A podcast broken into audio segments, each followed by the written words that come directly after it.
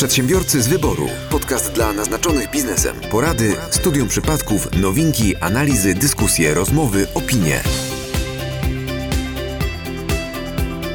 Dzień dobry drodzy słuchacze, witamy w 69. odcinku podcastu Przedsiębiorcy z wyboru. Dzisiaj przy mikrofonach Michał Kucharski Mateusz Majk. Piotr Łysko. oraz naszym gościem jest... Jakub Cyran. Jezu, jak spokojnie, z jaką... Jaki, jak, jak, jaka moc w tym głosie była. Takie ptaszki tam powinny być w tle. E, Komar lata. To, to nie wiem, czy się łapie, czy nie. Nie, nie, to bzyczenie to mikrofon Piotra, także tam jeszcze pracujemy nad tym. Dobrze, Jakubie. Yy, Ty do nas przybywasz z, jak ustaliliśmy podczas nagrania yy, testowego, na które, które zdecydowanie na, zasługuje na osobną na, mm, mm, anegdotę. Ty przybywasz do nas z jednego z wierzchołków trójkąta bermudzkiego. Tak, jest to Radom, a właściwie fizycznie teraz nie jestem w Radomiu, bo ja trochę tak podążam tam, gdzie są promocje w KFC, tam jestem ja. E, Ale ogólnie wychował mnie Radom, jeżeli można o Radomiu powiedzieć, że wychował. E, Więc jeżeli będę zachował się w jakiś sposób e, no, nie taki delikatny albo chamski czy coś, to po prostu zrozumcie, że, że jakby no, to są A to moje z- zaimki bierne, jakby totalnie jakby, no ja tak mam. Co sądzisz o takim fanpage'u, który kiedyś e, widziałem na Facebooku, który mnie strasznie rozbawił? Polska Radomiem Europy. E, Nie widziałem, ale widziałem e, Fashion from Russian i totalnie jakby to są moje, moje gusta. Dobrze, e, to zanim przejdziemy do tego, co robisz i, i czym się zajmujesz, wytłumacz mi, e, dlaczego e, na zdjęciu za tobą jest Michał Szafrański. Jakby od razu obraziłeś moją żonę, bo to jest mój portret, który mi namalowała. Myślałem, że to jest twoja żona, to, to, to, byłaby, to byłby przypał, ale dobrze. E, nie, czekaj, jak to było kiedyś jakiś taki mem, nie znasz, nie oceniaj, tak? E, tak, ale, ale tam postawiłem, bo stwierdziłem, że, że muszę coś promować, a że nie lubię siebie, to będę promował e, swój portret po prostu. To jest, to jest takie bardzo etyczne. To pozdrawiamy żonę.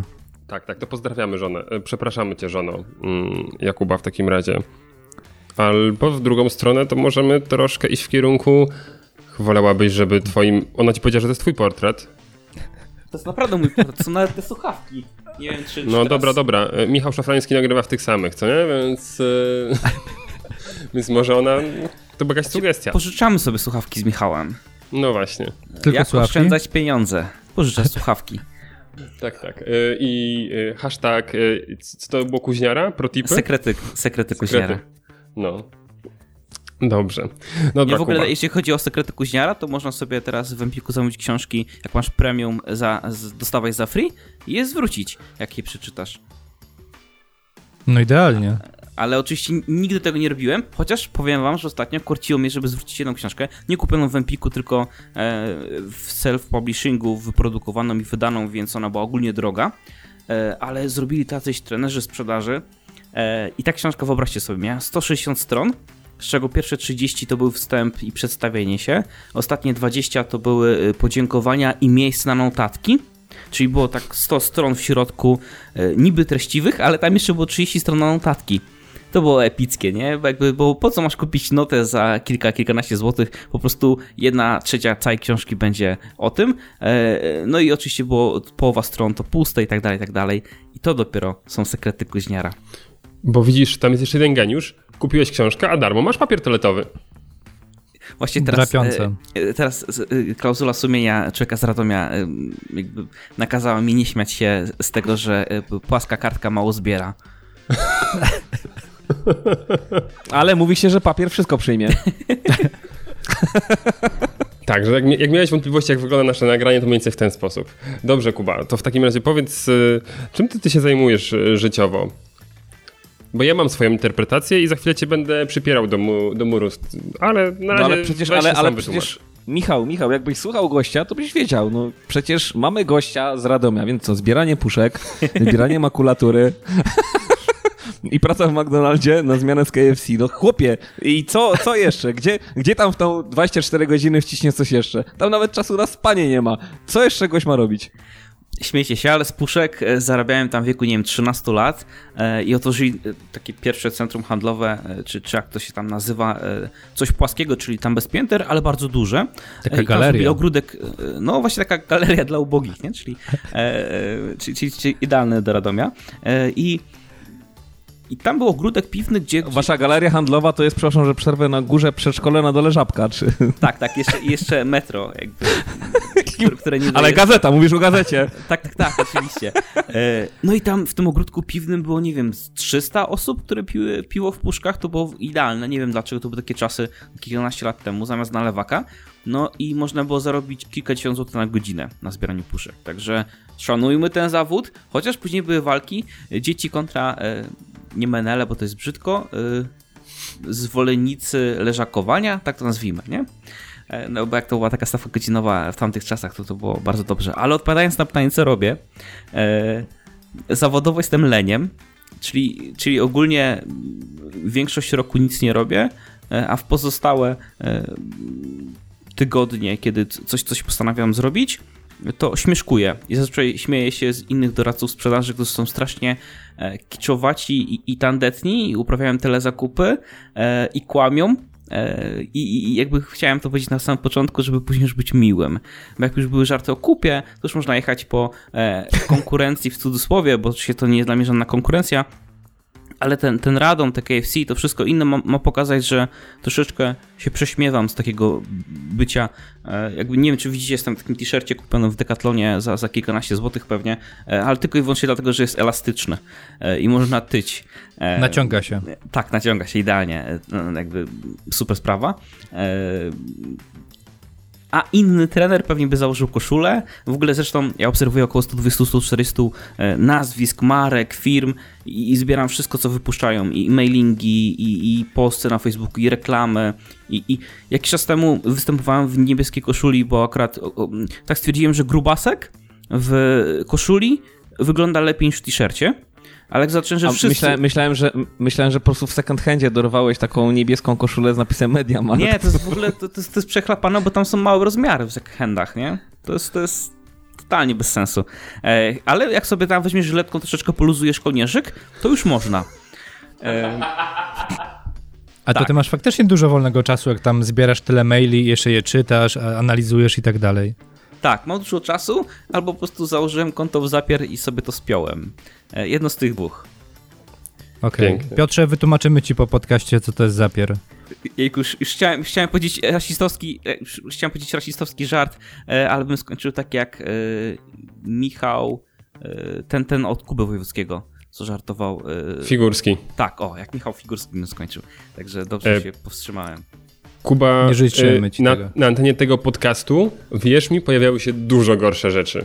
Wiem, wiem, to to, jest był piękny- Artur Jabłoński, e, to już jakby podejrzewam, że no, że ten podcast, co teraz nagrywamy, będzie na pewno bardziej delikatny. Nie no, tam było tak spokojnie. Chociaż sporo wyleciało. Nie, bo kiedyś Artur miał taki e, śmieszkowy zwyczaj lajkowania bardzo dziwnych wydarzeń na Facebooku i tam właśnie e, lajkował jakieś rzeczy typu BDSM i tak dalej. E, no i jakieś zrobiłem e, screena i Bo on myślał, że to jest, bo to myślał, że to jest nazwa stacji jakiejś telewizyjnej. E, A czyli po, po e, coverze w tym wydarzeniu można było stwierdzić, że to jednak e, jest to, co, co, co, co jest. E, I kiedyś na jakiejś dużej konferencji, chyba na Infoszerze w Gdańsku, zapytałem się, e, czy, czy macie pomysł, jak e, przywiązać klienta do siebie i pokazałem tego screena. E, No i Artur nie był ucieszony.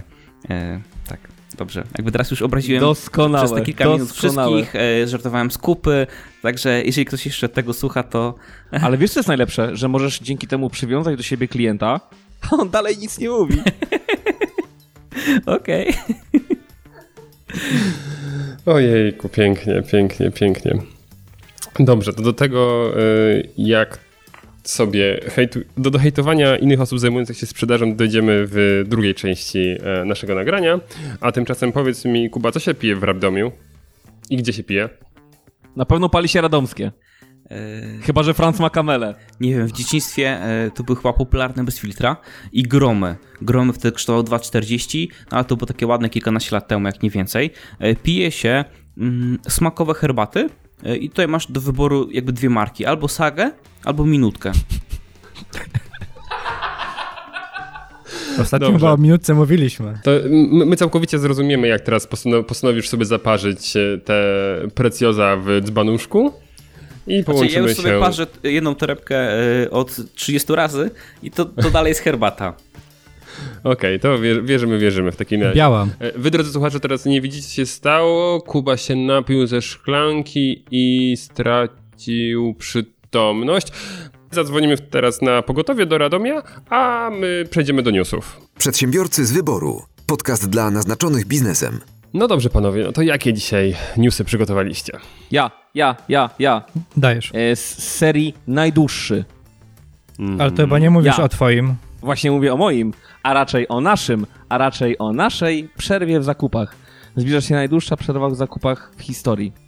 Ale mówisz tych niedzielnych? No nie, nie tylko niedzielnych. Konfederacja Lewiatan e, apeluje, aby w niedzielę 27 grudnia sklepy mogły być otwarte. Bo zgadnijcie, co się stanie, jeżeli nie będą otwarte. Mamy Boże Narodzenie, przed którymi są zakupy, a potem nie ma, nie ma, nie ma, nie ma, potem jest niedziela, więc jest znowu zamknięte. Więc mamy najdłuższą historię, najdłuższą w historii, czyli 3,5 dnia bez zakupów, bo dopiero w poniedziałek 28 grudnia będą otwarte sklepy. Prawdopodobnie połowa Polski umrze z głodu, klasycznie. Ale To, serio? to się później będzie w Ikei działo. Bo możliwe, że dłużej. No nie, dłużej nie. Czemu miało być dłużej? No nie. No, ni- ni- nigdy nie było tak długiej przerwy w zakupach. Znaczy, dla mnie to nie jest tragedia, ustalmy, bo dla mnie 3 czy 4 dni bez zakupów. Ja normalnie spędzam czasem półtora tygodnia bez żadnych zakupów, więc to nie jest problem. Ale dla większości Polaków jednak to może być problem. No i Konfederacja Lewiatan postanowiła walczyć o to. Jezus, ja się spodziewałem, że tam, nie wiem, będzie jakieś półtora tygodnia, mówię, bo się porobiły, wiesz, święta kościelne ze świętami państwowymi, odrabianie wolnego, coś. Nie. Tam... Żadna majówka połączona z weekendami nie dała tyle. 3,5. Dnia. Ale uważacie, że to jest problem? Ale Nie. patrzcie, dla ludzi nie, a dla handlu? Znaczy dla handlu spożywki, prawda? Wydaje mi się, Ale czy, dlaczego? Też niekoniecznie. Przecież, no ale dobrze, ale jak ludzie będą wiedzieli, że przez 3,5 dnia będą zamknięte sklepy, to po prostu będzie wielki boom 23 grudnia, czy się mylę? I tak jest. No na pewno tak będzie, no. I do tego stopnia, że będą kolejki, ludzie się będą bić o papier toaletowy. O karpia! A potem 28, jak to wszystko ruszy. Nie wiem, czy pamiętacie ten sketch yy, kabaretu moralnego I niepokoju. ruszyli. I poszli.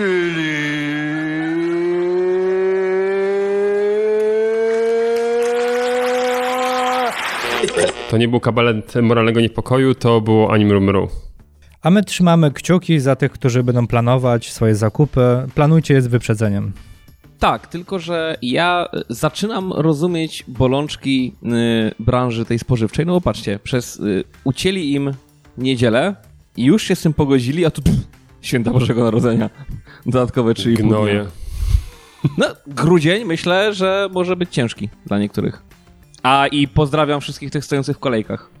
Myślę, że nie. Myślę, że szał zakupów grudniowych będzie taki, że nie A kiedy odczują. kupujecie prezenty? Teraz, nie? Najlepiej. Chyba najlepiej teraz. No. Tak. Może dojdą. A ty owoce kurwa kupujesz? Pomarańcze Drzewka, drze, drzewka pomarańczowe. i banany. Teraz chyba są najlepsze ceny, nie? Bo, bo zaraz się znowu zacznie szał przemetkowywania tak zwany. Znaczy najlepsze ceny na banany i pomarańcze to będą zimą.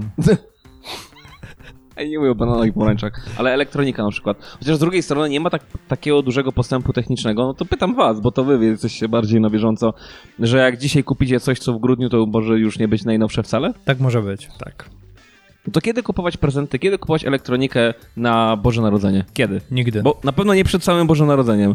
A może kupić Black Friday. Albo nie. A kiedy jest Black Friday? Jakoś niebawem. W listopadzie. Black Friday końcem listopada jest. Ale nie wiem, czy na MGSM nie Ale nie, ma... Black Friday nie jest po Wielkanocy? No nie, nie, nie. Pod koniec listopada. Łysy, kompromitujesz się, a co za tym idzie i nas Ale wszystkich. ja, nie- ja nie kupuję, stary, ja nie używam, ja, dla mnie, ja nie, ostatnio przez internet zamówiłem dwie rzeczy, okazały się wszystkie niedobre, musiałem zwracać. Pierwszy raz od 10 lat, już nigdy więcej nie będę nic przez internet Łysy, to często musisz zwracać. Uwagę, wam, ale nie rzeczy do sklepu. No. W razie czego Black Friday e, przypada na 27 listopada. A, no to już wszyscy wiemy, kiedy kupować rzeczy. Tylko oczywiście w Polsce Black Friday rok temu chyba, nie? Żeśmy z, zanalizowali to, że w połowie Black Friday'owych promocji wyglądało to tak, że najpierw podwyższano cenę, a potem ją obniżano i de facto Black Friday miał tą samą cenę co zawsze. No dlatego najlepiej teraz monitorować, jakie są ceny. No właśnie sobie sprawdzam y, na bieżąco, bo wiem, że był fajny serwis, który na przykład y, ceny telefonów komórkowych śledził i Podcast pięknie... rządzi, podcast radzi, podcast nigdy cię nie zdradzi. Tak, i pięknie Słuchajcie. Michała, jak to teraz zrobić? No nie, ale nie mogę znaleźć. Y, Mi się wydawało, że to było na MGSM, a może na czymś innym. Przedsiębiorcy z wyboru. Podcast dla naznaczonych biznesem. Zejdźmy z tego Black Friday, em, ale zostańmy przy zakupach. Albo przynajmniej w sklepie. Bo pamiętacie mm, news o panie, który ukradł śliwkę w czekoladzie? Tak. No, oczywiście, że tak. E, tam historia była taka, że ukradł śliwkę w czekoladzie w wartości 40 groszy, no i oczywiście sprawa trafiła do sądu. E, my o tym mówiliśmy mniej więcej rok temu Jest kontynuacja. jest wyrok prawomocny, szanowni państwo. Jest wyrok prawomocny. Pan został skazany na grzywnę w wysokości 20 złotych. 20 złotych oraz koszty zryczałtowane sądowe w kwocie 100 złotych. W związku z tym, Łysy, popraw mnie, jeśli się nie mylę, em, państwo na tym, że zrobiło dwie instancje tego procesu, zarobiło 100 złotych. Państwo nie zarabia, to jest zwrot No kosztów. dobra, no, zwrot kosztów, tak? No ale patrz, 40 groszy kosztowała ta śliwka, a 20 zł e, grzywna. To patrz, ile to jest procent. Tak by każde wyroki były w ten sposób, patrząc na procenty, pokreślane, no to w tym przypadku no, byłyby niektóre dosyć wysokie 50 kary. razy więcej. No. No ale to chyba, w, y, poprawcie mnie też, y, jeśli się mylę, ale to nie w, no, nie w Norwegii, Norwegii, Finlandii jest tak? Że na przykład mandat drogowy dostaje się w zależności od tego, jak, je- i ile się zarabia. No była taka koncepcja. Wprost proporcjonalnie. Nie wiem, czy w Szwajcarii też tak nie było, ale A to... myśmy się chyba kiedyś wyzewnętrzniali na ten temat. Nie, chyba na ten akurat temat nie, żeby kary były proporcjonalne do zarobków. No na pewno to byłoby bardziej dotkliwe.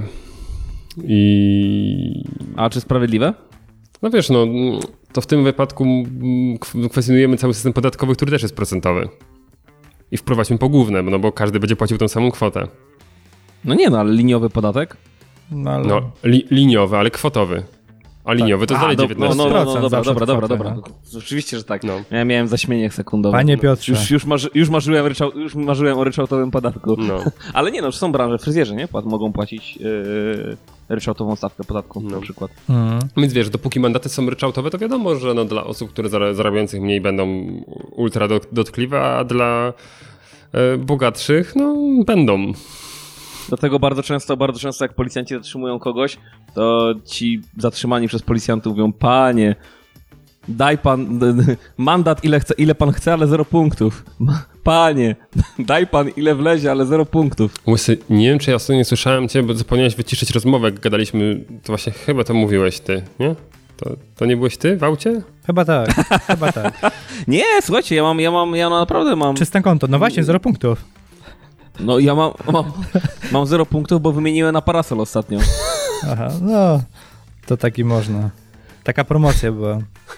Taka promocja, no. Ojejku, jejku. Przedsiębiorcy z wyboru. Podcast dla naznaczonych biznesem. Jak jesteśmy przy zakupach, to, to ja też już mam most do, do zakupów. Dawaj. E, Na pewno pamiętacie już e, ileś lat temu, z tego co pamiętam 7 lat temu, czyli w 2013 roku, mój ul- ulubieniec, e, wiecie o kim mówię?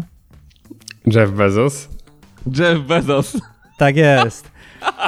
Wskazał, że Amazon będzie w najbliższym czasie e, dostarczał swoje przesyłki za pomocą dronów.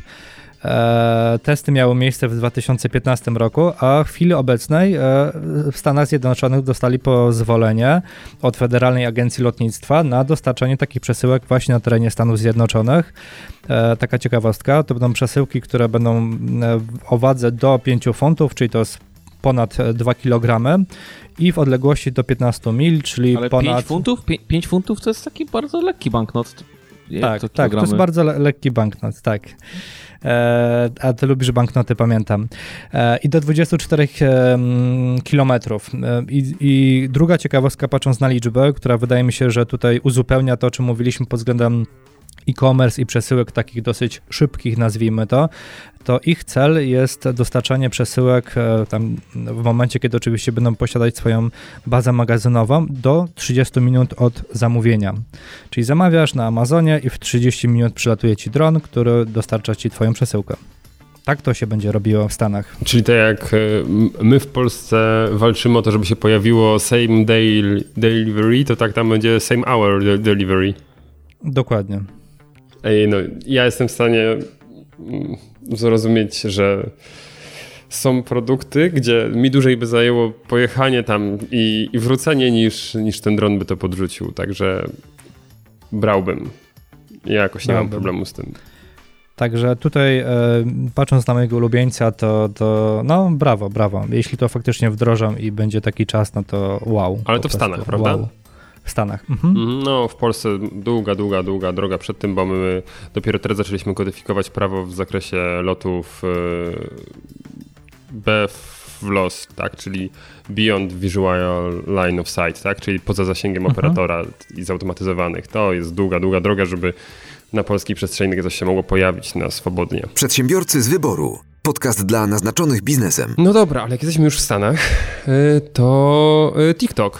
To jest znowu kontynuacja newsa, bo y, któryś z was donosił, chyba ty Mateusz, prawda, że TikTok może być... Nie, Mateusz nie donosił, Mateusz nie donosił. Y, Ustaliliśmy, że to była osoba o tym samym imieniu i nazwisku. Mateusz wcale nie donosił. Ja nigdy nie Też był donoszę. Mateusz Majk, ale to był Mateusz Majk z Zamościa, a nie Mateusz Majk z Katowic. Mateusz nie donosił. To jak zeznawał, Referowałem. Był taki, może. był ta, tajny współpracownik o pseudonimie Majas, ale to nie był Mateusz Majk. To nie.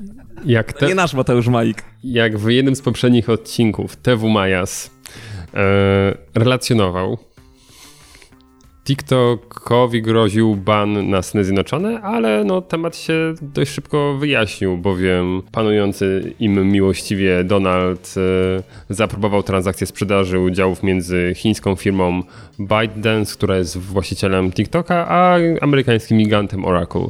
I w ten sposób e, no, na rynku amerykańskim będzie funkcjonował sobie TikTok, tylko że no, w ramach tam jakichś powiązań udziałowych powiedzmy, tak? Także będzie podlegał tam częściowo amerykańskiemu e, prawodawstwu. Przedsiębiorcy z wyboru. Podcast dla naznaczonych biznesem. Szybki news, e, ale mm, bardziej będę, będę starał się, że tak powiem, tylko e, wspomnieć o nim, a prawdopodobnie go rozwiniemy w momencie, kiedy będzie już więcej informacji. A mianowicie jest duża szansa, e, że Facebook dostanie bana w, Stan- w Unii Europejskiej.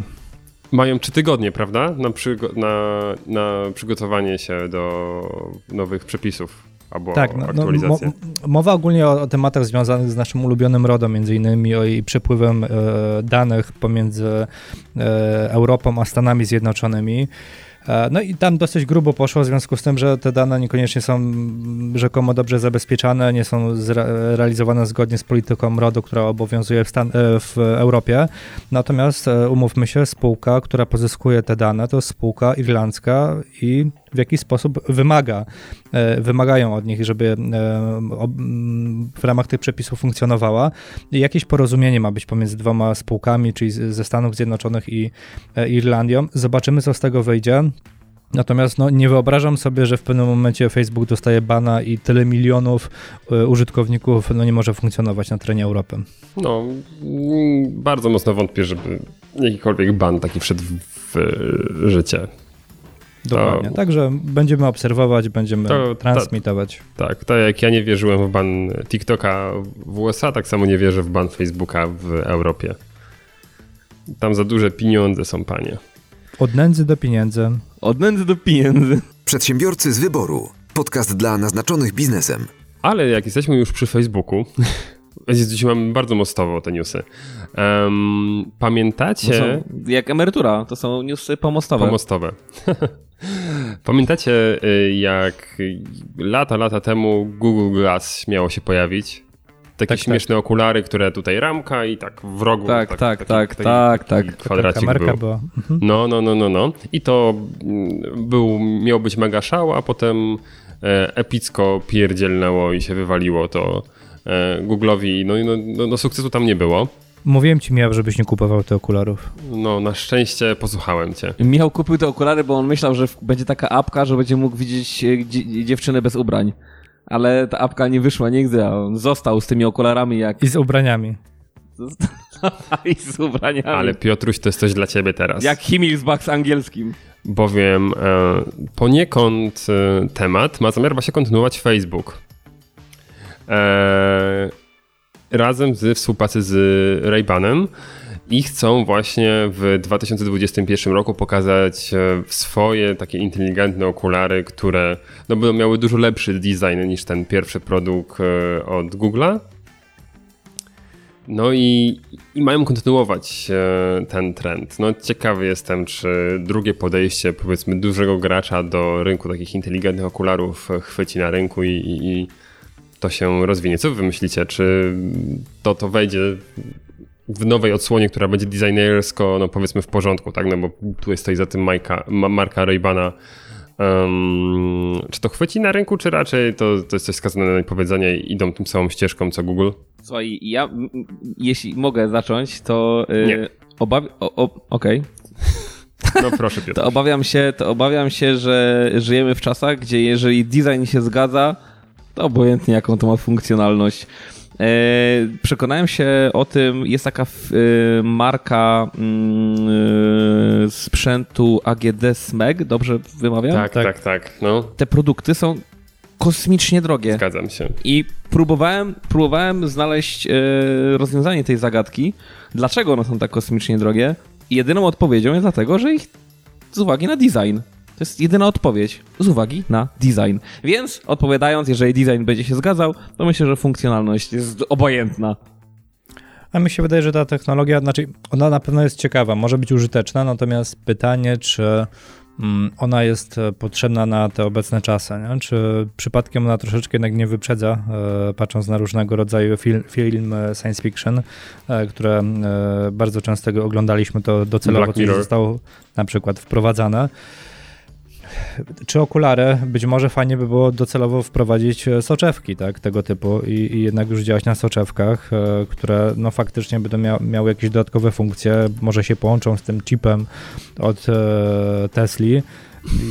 I, I tak dalej, i tak dalej, nie? Że idę bardzo daleko, natomiast e, nie wiem, czy taka sama funkcja będzie fajna, no bo ona nie była dopracowana wtedy.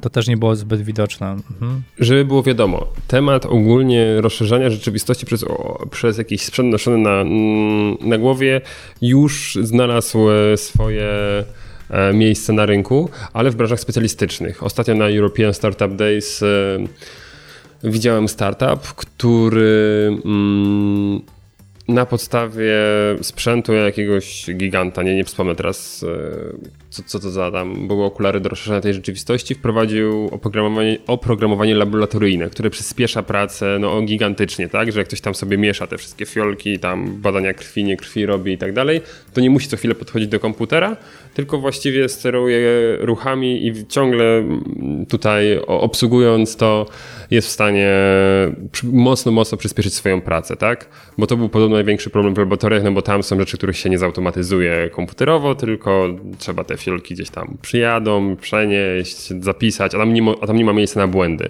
I podobno tam ta rozszerzona rzeczywistość sprawdza się świetnie, tak? I ta spółka e, bardzo fajne rundy e, inwestycyjne zebrała. Także jak najbardziej gdzieś, ta, gdzieś ten temat funkcjonuje, tylko to w branżach specjalistycznych. Ja jestem ciekawy właśnie, czy taki mass market e, success też to będzie czekało. Ciężko powiedzieć.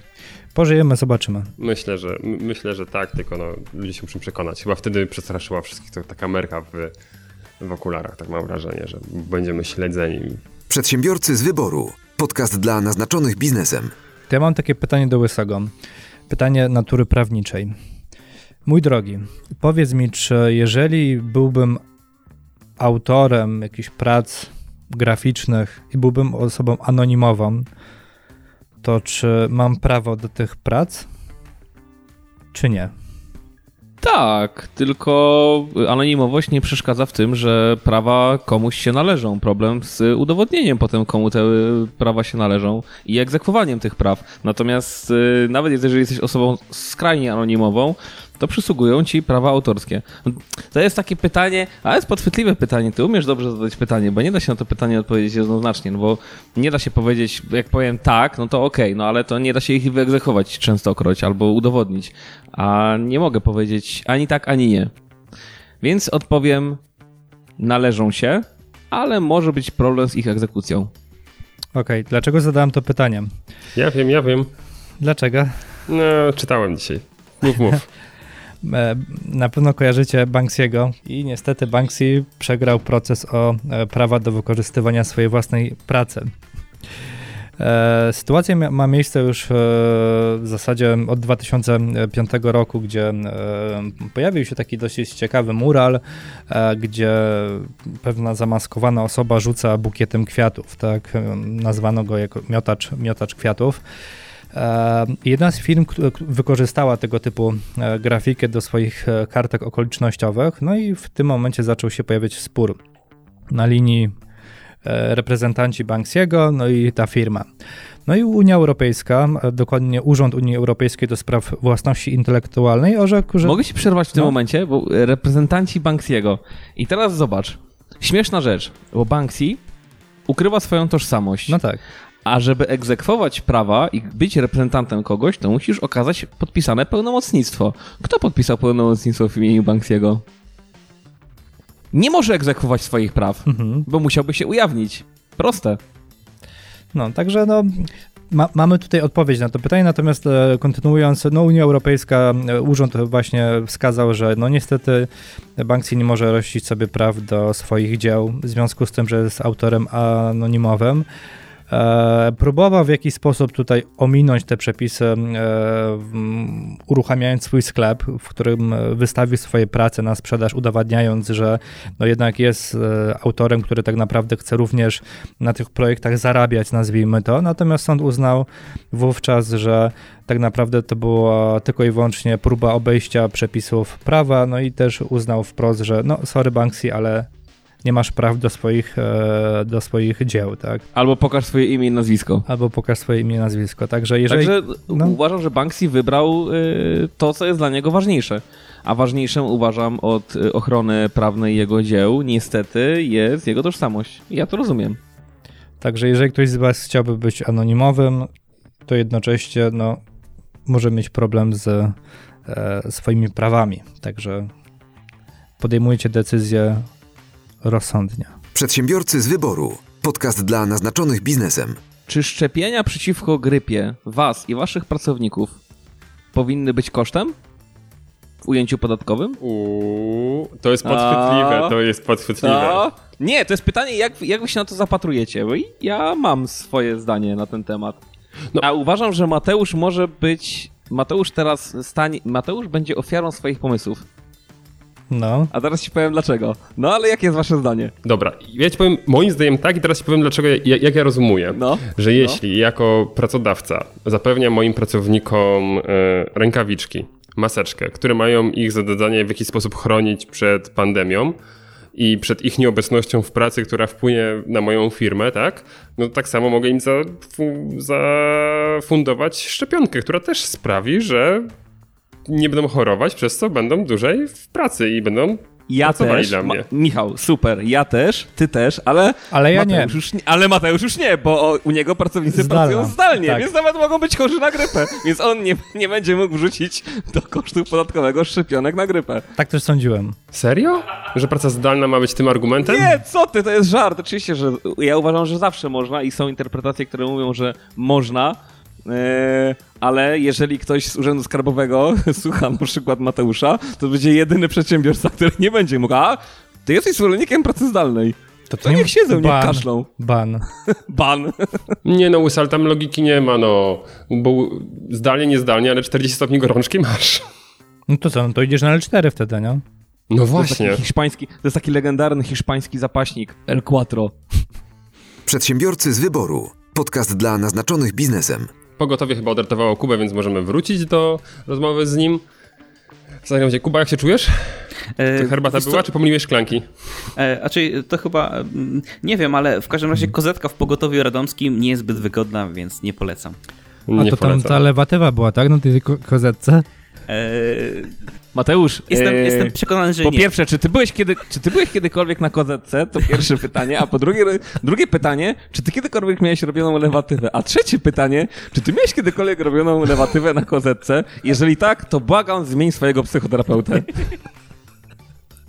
Myślałem, że, że Łysy powie coś w rodzaju, ale lewatywę to ty szanuj. A to mi to po, po, po tym, po nagraniu powiem. Tak. Pokażę zdjęcia jakby, no okej. Dobrze, że się zawsze Selfie. rozłączy. Selfie, selfie ze zabiegu, rozumiem, dobrze. Em, My w trakcie połączenia testowego doszliśmy już, Kuba, do wniosku, że e, ta rozmowa zakończy się wizytą u, u terapeuty i my dalej podtrzymujemy to, że my nie zwracamy tych kosztów, także no sorry. Ale Rozmawiajcie z moim e, prawnikiem, mecenas Tomasz Palak się wami zajmie. Się, dobrze, to y, my odeślemy go do naszego radcy prawnego Piotra Łysko. Ej, Łysy, odkąd przestałeś reagować generalnie y, wściekłością na radcę prawnego, to to stra- straciło sens dla nas. Mm. O. Ale ja rozumiem, że rolling joke to rolling joke, ale kurde, drugi rok? 68 odcinek. odcinek z rzędu. 39, no. no. Jest taki wykres, że e, im żart więcej powtarzany, tym nie śmieszy, e, ale ja nie jestem wyznawcą tego wykresu. My też. My też, my też. A, a propos właśnie takich wykresów, to ja tylko chciałem powiedzieć dwa słowa do mikrofonu. Test przedsiębiorcy. To kolejny taki rolling joke nas, że tam co ileś odcinków musimy to powiedzieć. Nieważne. Część słuchaczy zrozumie. Dobra, Kuba. Ehm... Jejku, mam tyle pytań, e, od których myślałem, żeby zacząć, ale z, prosto z mostu. Jak patrzysz na sprzedaż w Polsce, to co cię wkurwia? Może nie aż tak, bo jestem bardzo kulturalnym i Że nikt nie kupuje u mnie. Ała. E, e, e, Nagrałem chyba e, o tym wczoraj swój odcinek podcastu Okiem Cyrana. To będzie siódmy odcinek, nie wiem kiedy wasz wyjdzie, kiedy mój wyjdzie, ale tam chyba moja żona, jak przesłuchała tego odcinka, to powiedziała odważne. E, Bo tam nazywałem rzeczy po imieniu, między innymi e, o tej książce chyba opowiadałem, ale też o kłamstewkach, e, które czasami przekraczają tą granicę kłamstewka, czyli na zasadzie trener, który mówi o tym, że jestem niesamowicie przewidywalny, wiem, że będzie kryzys, mam odłożone środki, przychodzi kryzys i zwalnia 40% zespołu po cichu. E, I, i, i, I taka ściema mnie bardzo boli, dlatego że dajemy przedsiębiorcom e, sygnał z pupy, e, że, że można przewidywać wszystko, można nie popełniać błędów, że redukcja zespołu jest błędem i tak dalej, tak dalej. No i to trochę tak jak jak szarlatani medyczni. Tam wcześniej rozmawialiście o szczepionkach, nie wiem kto jest za, kto jest przeciw, ale to trochę tak jak ktoś rezygnuje z jakiegoś e, sprawdzonego sposobu leczenia e, i wybiera e, wlewy witaminowe, co samo w sobie może nie jest złem, ale może jednak lepiej nie rezygnować ze sprawdzonych metod. Tam pewnie, jakby mam nadzieję, nie wiem czy Konfederacja jest głównym targetem waszego podcastu. Jeżeli tak, to... A czy, czekaj, ty masz logo Konfederacji na bluzie, tak? Okej, dobra, dobra, to faktycznie cofam w takim razie. Eee, Korwin Król, tak? Wlewy, wlewy, wlewy. Zięba, zięba, zięba. zięba.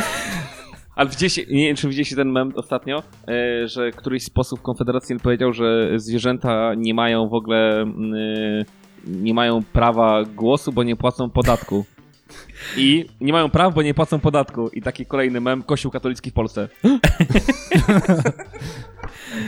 No dobrze, to obrazi- obraziliśmy już teraz 90% Polaków. Bo widzisz, Kuba, u nas taki mm, mo- motyw jest taki, że staramy się generalnie pokryć 100%, co nie? Więc jest, Jeszcze jest spoko. 10. To jest jak w dobrej, hodo- to jest jak w dobrej hodo- hodowli byków, nie? To chodzi o to, żeby pokryć 100%. Okej, to mam jeszcze pomysł na ostatnie 10. Obraźmy kobiety. E, znaczy, nie, oczywiście żartuję. E, be, bez kobiet ja bym był hamem, a tak to jestem e, bardzo elokwentnym, grzecznym człowiekiem. Ale ostatnio e, chyba jest e, jakaś europoseł, która bardzo lubuje za tym, żeby były parytety, nie? Czyli na przykład jak jest, nie wiem, firma, to trzeba, za, na przykład mamy teraz czterech mężczyzn w podcaście, to jest bez sensu, powinny być przynajmniej dwie kobiety. E, no i ona ostatnio... Wiesz co, my czasem, Tak. czasem jak przychodzi kontrola z takiego państwowego, państwowej kontroli parytetów, to odwracamy Michała odwrotnie, okay. żeby siedział tyłem do kamery i wtedy jest okej. Dobra, to jest, już- rozumiem. E, Chociaż te odwracamy tyłem Michała z tematem lewatywy, to jest jakby niebezpiecznie blisko.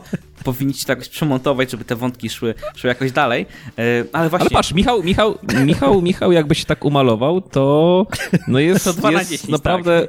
Nie, jest, jest, jest ładniejszy jak większość dziewczyn z Wydziału Informatyki. Łysy, to samo mówiłeś ostatnio po drugiej flaszce na imprezie. I ja wtedy nie byłem umalowany. A nie wiem, co na to Maja. Ale już wtedy spałeś. Okej, to wchodzi jakby niebezpiecznie. Ja, ja wiedziałem, że ten podcast jest... Oj, e, wchodzi niebezpiecznie. je- Jest, jest, jest taki. E, jakby ja stwierdziłem, że wczoraj u, u Marka Jankowskiego w mojej wielkiej filmie ma być elokwentnie. Później nagrałem swój odważny podcast i wiedziałem, że tutaj będzie. E, jakby tak, Źle. Może to powiedzieć. Nie, nie bój się. Nie, w życiu nie, nie źle, właśnie. Ciekawi, interesująco. Ty byłeś wczoraj u Marka Jankowskiego? Tak. Ty, musimy wypuścić to dzień przed Markiem Jankowskim. I serdecznym pozdrowieniem dla Marka Jankowskiego. Haha, byliśmy pierwsi. O, jak, jak wypuścicie to dzień wcześniej, to wejdźcie na maławielkafirma.pl, łamane przez live i ściągnijcie bonusowy dodatek, a jutro obej obejrzyjcie odcinek u Marka. Także szachmat, wypuszczaj kiedy chcesz. I tak wygrałem. E,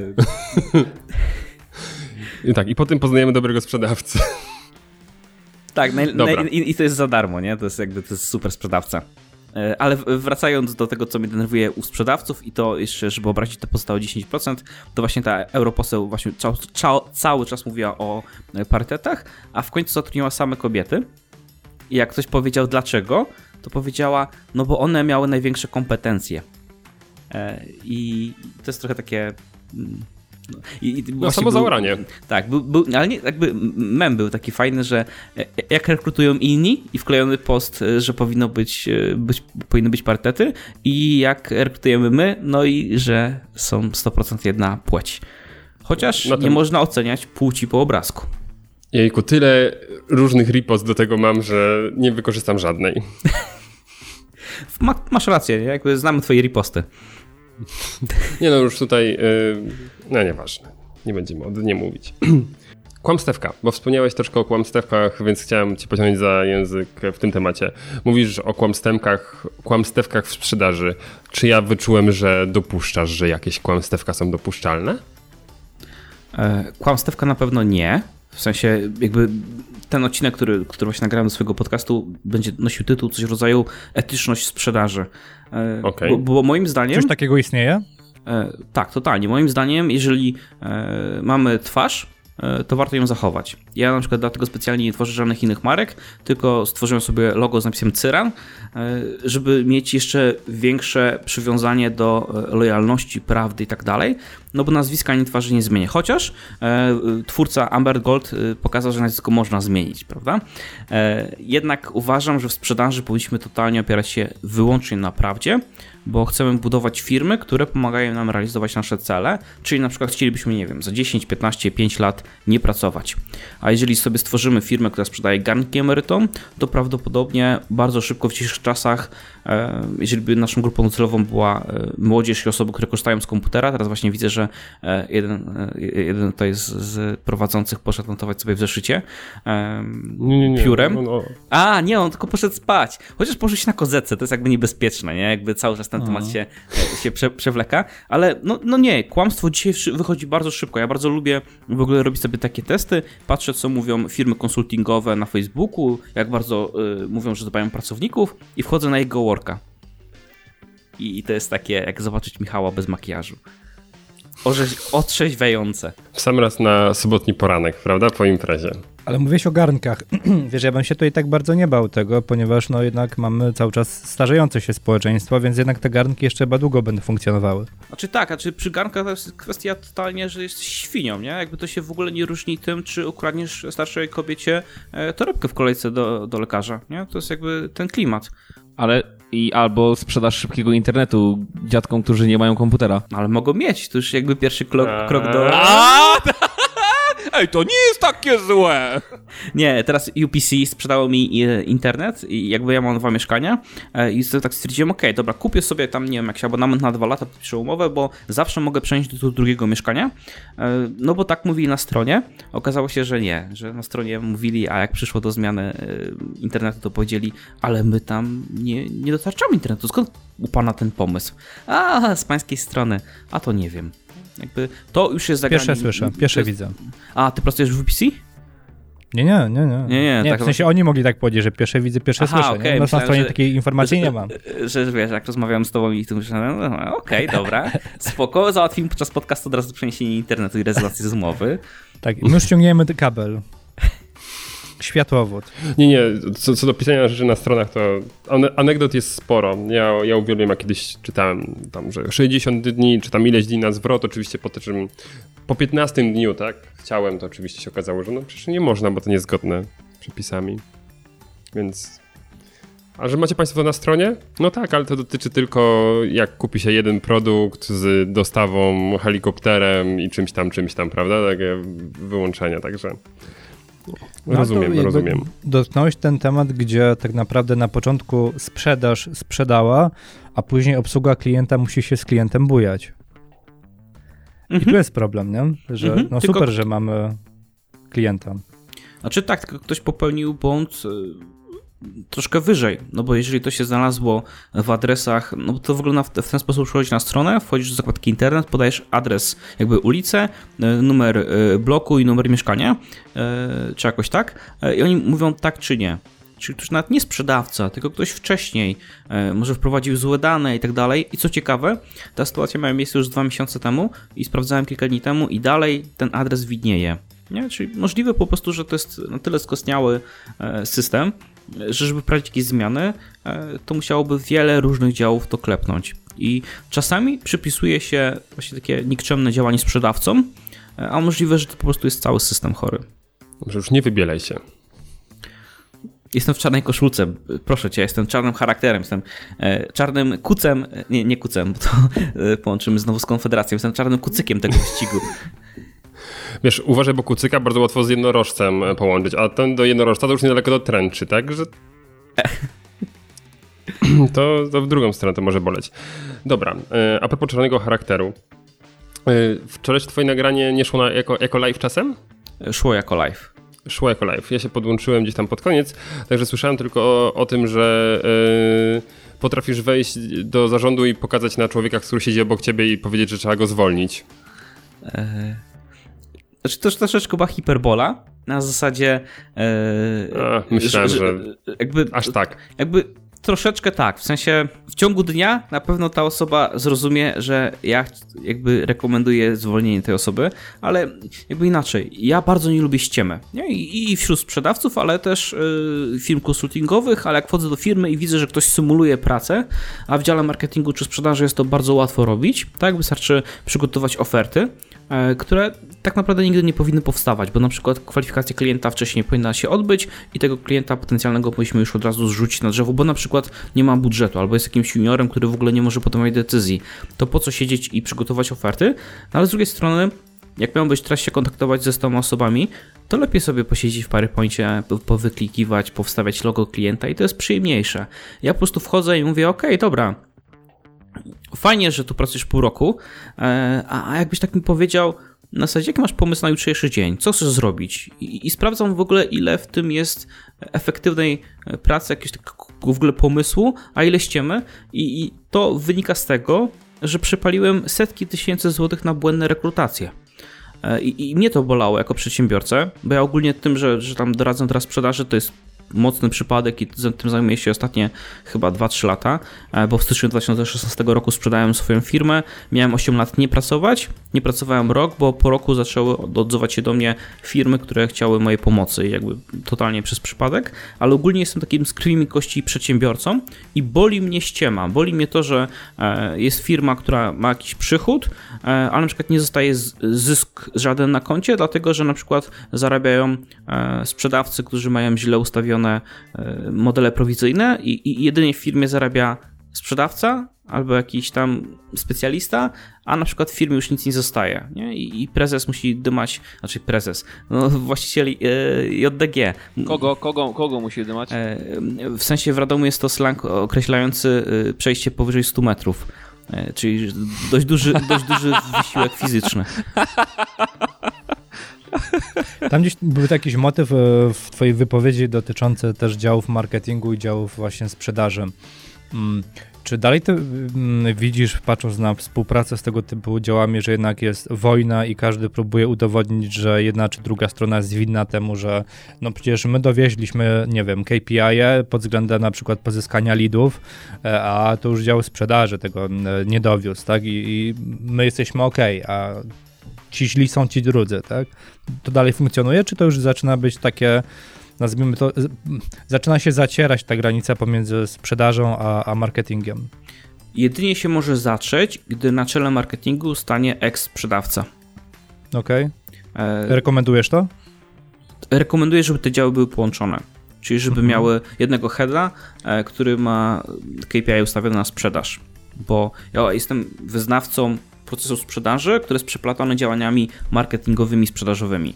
Czyli jeżeli rozmawialiśmy, okazałeś zainteresowanie, wysłałem Ci ofertę, jest cisza, zrobiłem follow-up mailowy jeden, drugi, jest cisza, to sprzedawca już nie powinien dręczyć potencjalnego klienta, tylko po prostu marketing powinien uruchomić retargetingowe maile, reklamy i tak dalej, żeby na przykład dostał na twarz w ciągu tygodnia 10 minut różnych materiałów wideo pokazujących, że powinien zostać klientem, bo po prostu na tym skorzysta.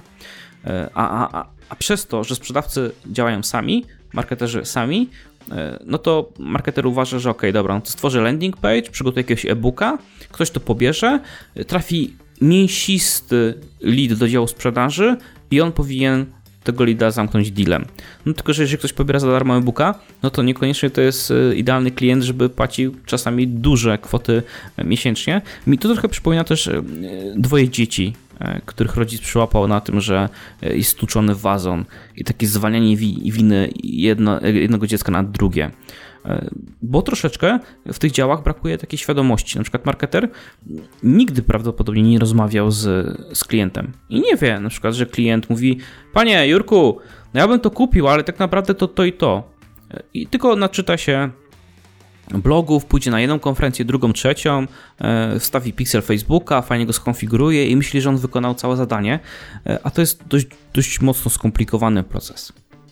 No tylko to, też fajnie, że to poruszyłeś, bo jeśli marketer w jakiś sposób w ogóle nie ma kontaktu z e, potencjalnymi klientami albo z klientami, a w drugą stronę dział sprzedaży nie komunikuje potrzeb, nie, po, nie komunikuje problemów, które gdzieś tam są poruszane e, i wyzwań, patrząc na potencjalnych klientów, to w jaki sposób w zasadzie dział marketingu jest w stanie dobrą komunikację prowadzić do potencjalnych e, klientów, skoro tylko założył jakieś persony i założył jakieś konkretne problemy, ale niekoniecznie weryfikuje, czy one faktycznie funkcjonują w konkretnej grupie docelowej.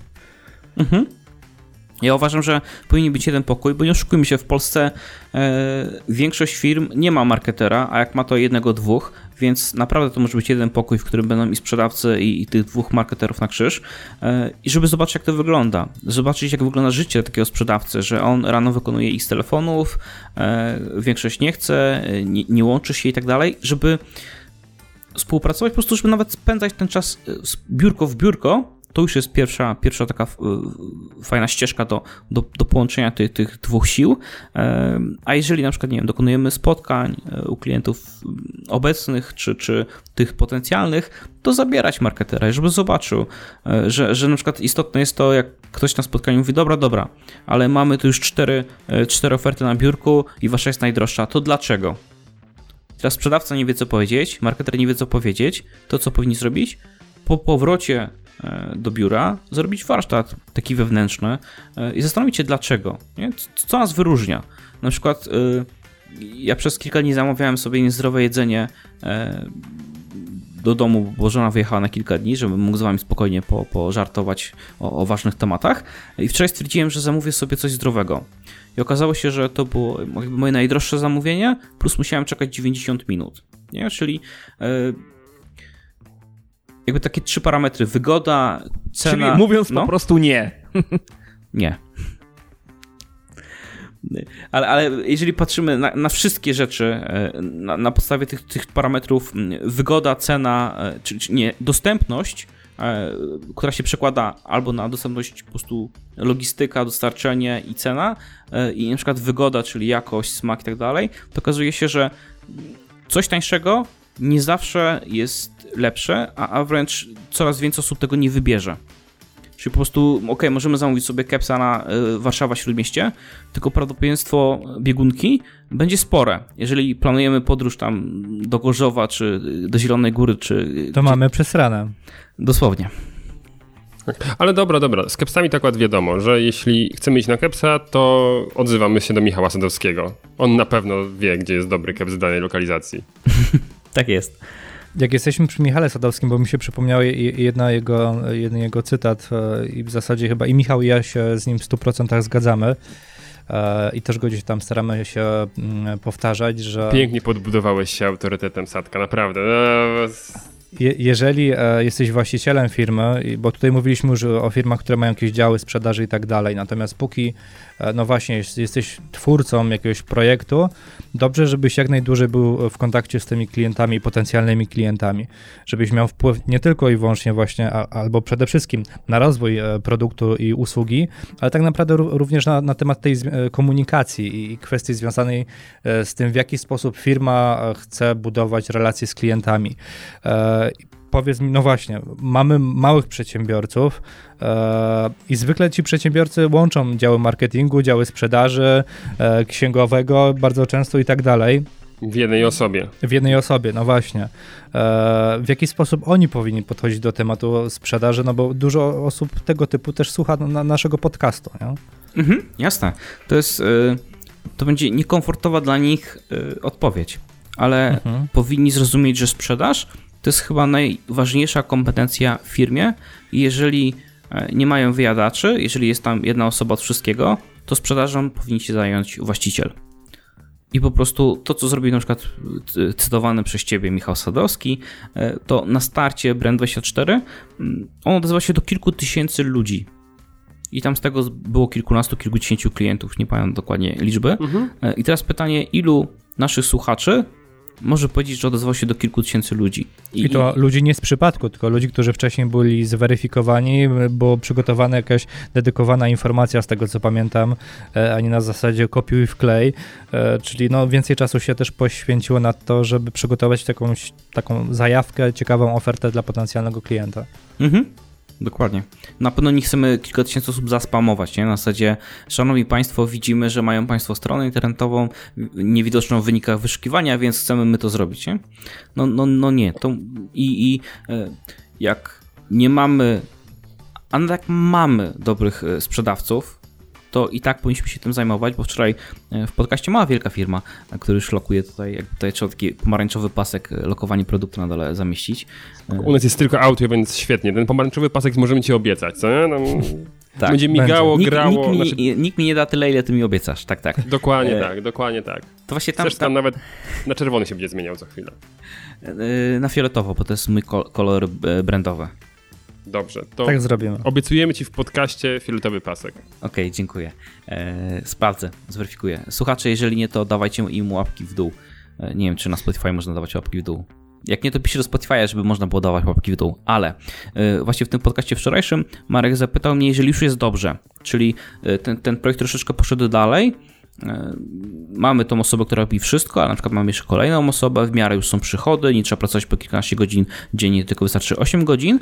E, I co wtedy? I wtedy jest takie poczucie, e, że już jest dobrze, i, i właściciele wtedy się wycofują jeszcze bardziej. Nie odcinają nie już powinni nie?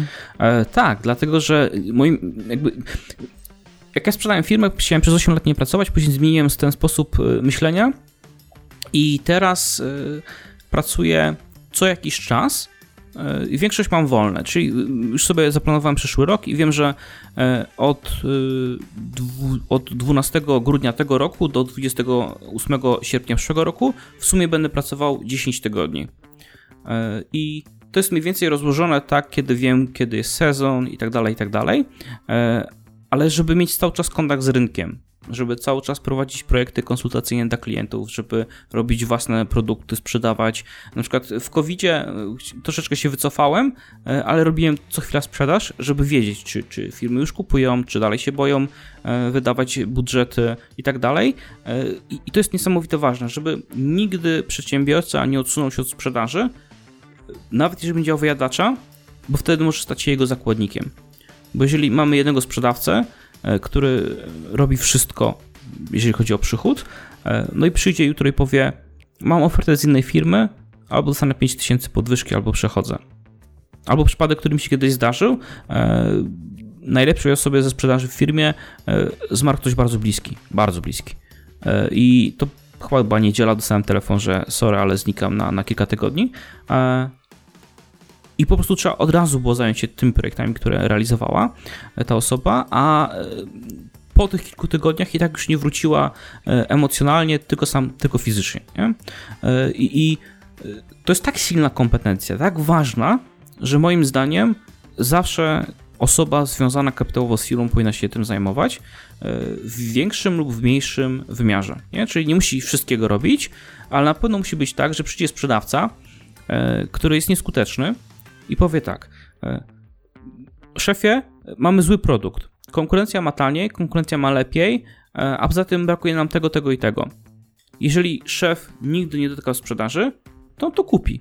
Powie to nie ten Jędrek, który jest zatrudniony jako sprzedawca jest słaby, tylko mój produkt, moja firma jest słaba. A jeżeli sprzedawał, to powie mordeczko, usiądźmy, weźmy sobie kartkę papieru, Weźmy sobie cinkopis kupiony na Allegro, e, bo jest Allegro Smart. E, jejku, ile ja zarobię dzięki temu cinkowi.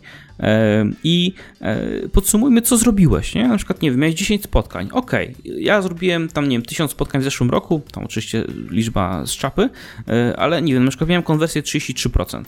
To ty nawet nie masz tej konwersji, a po drugie masz za małą ilość prób, za mało podejmowałeś wysiłku, za mało spotkań. I szef, który sprzedawał, on nie musiał być najlepszy, ale on musi rozumieć, jak to zjeść, nie? Na zasadzie, jeżeli, nie wiem, ja zrobię ciasto po raz pierwszy w życiu e, i, i mi nie wyjdzie, to prawdopodobnie mi żona powie, zobacz, na przykład, nie wiem, tutaj białko źle e, rozbiłeś, tam, nie wiem, na, kruszonkę na górę zrobić z margaryny zamiast z masła i tak dalej, bo będzie wiedziała, a gdyby e, jakby mi zleciła zrobienie ciasta, mi by nie wyszło, to ja bym powiedział, słuchaj, mam piekarnik zepsuty. I, I, za dużo rzeczy można powciskać ściemę. Tłumaczyć. Tak, a, a, a jednak sprzedawcy robiąc to, co robiąc, to troszeczkę przesunęli ten próg y, koloryzowania z progiem ściemniania. Mhm.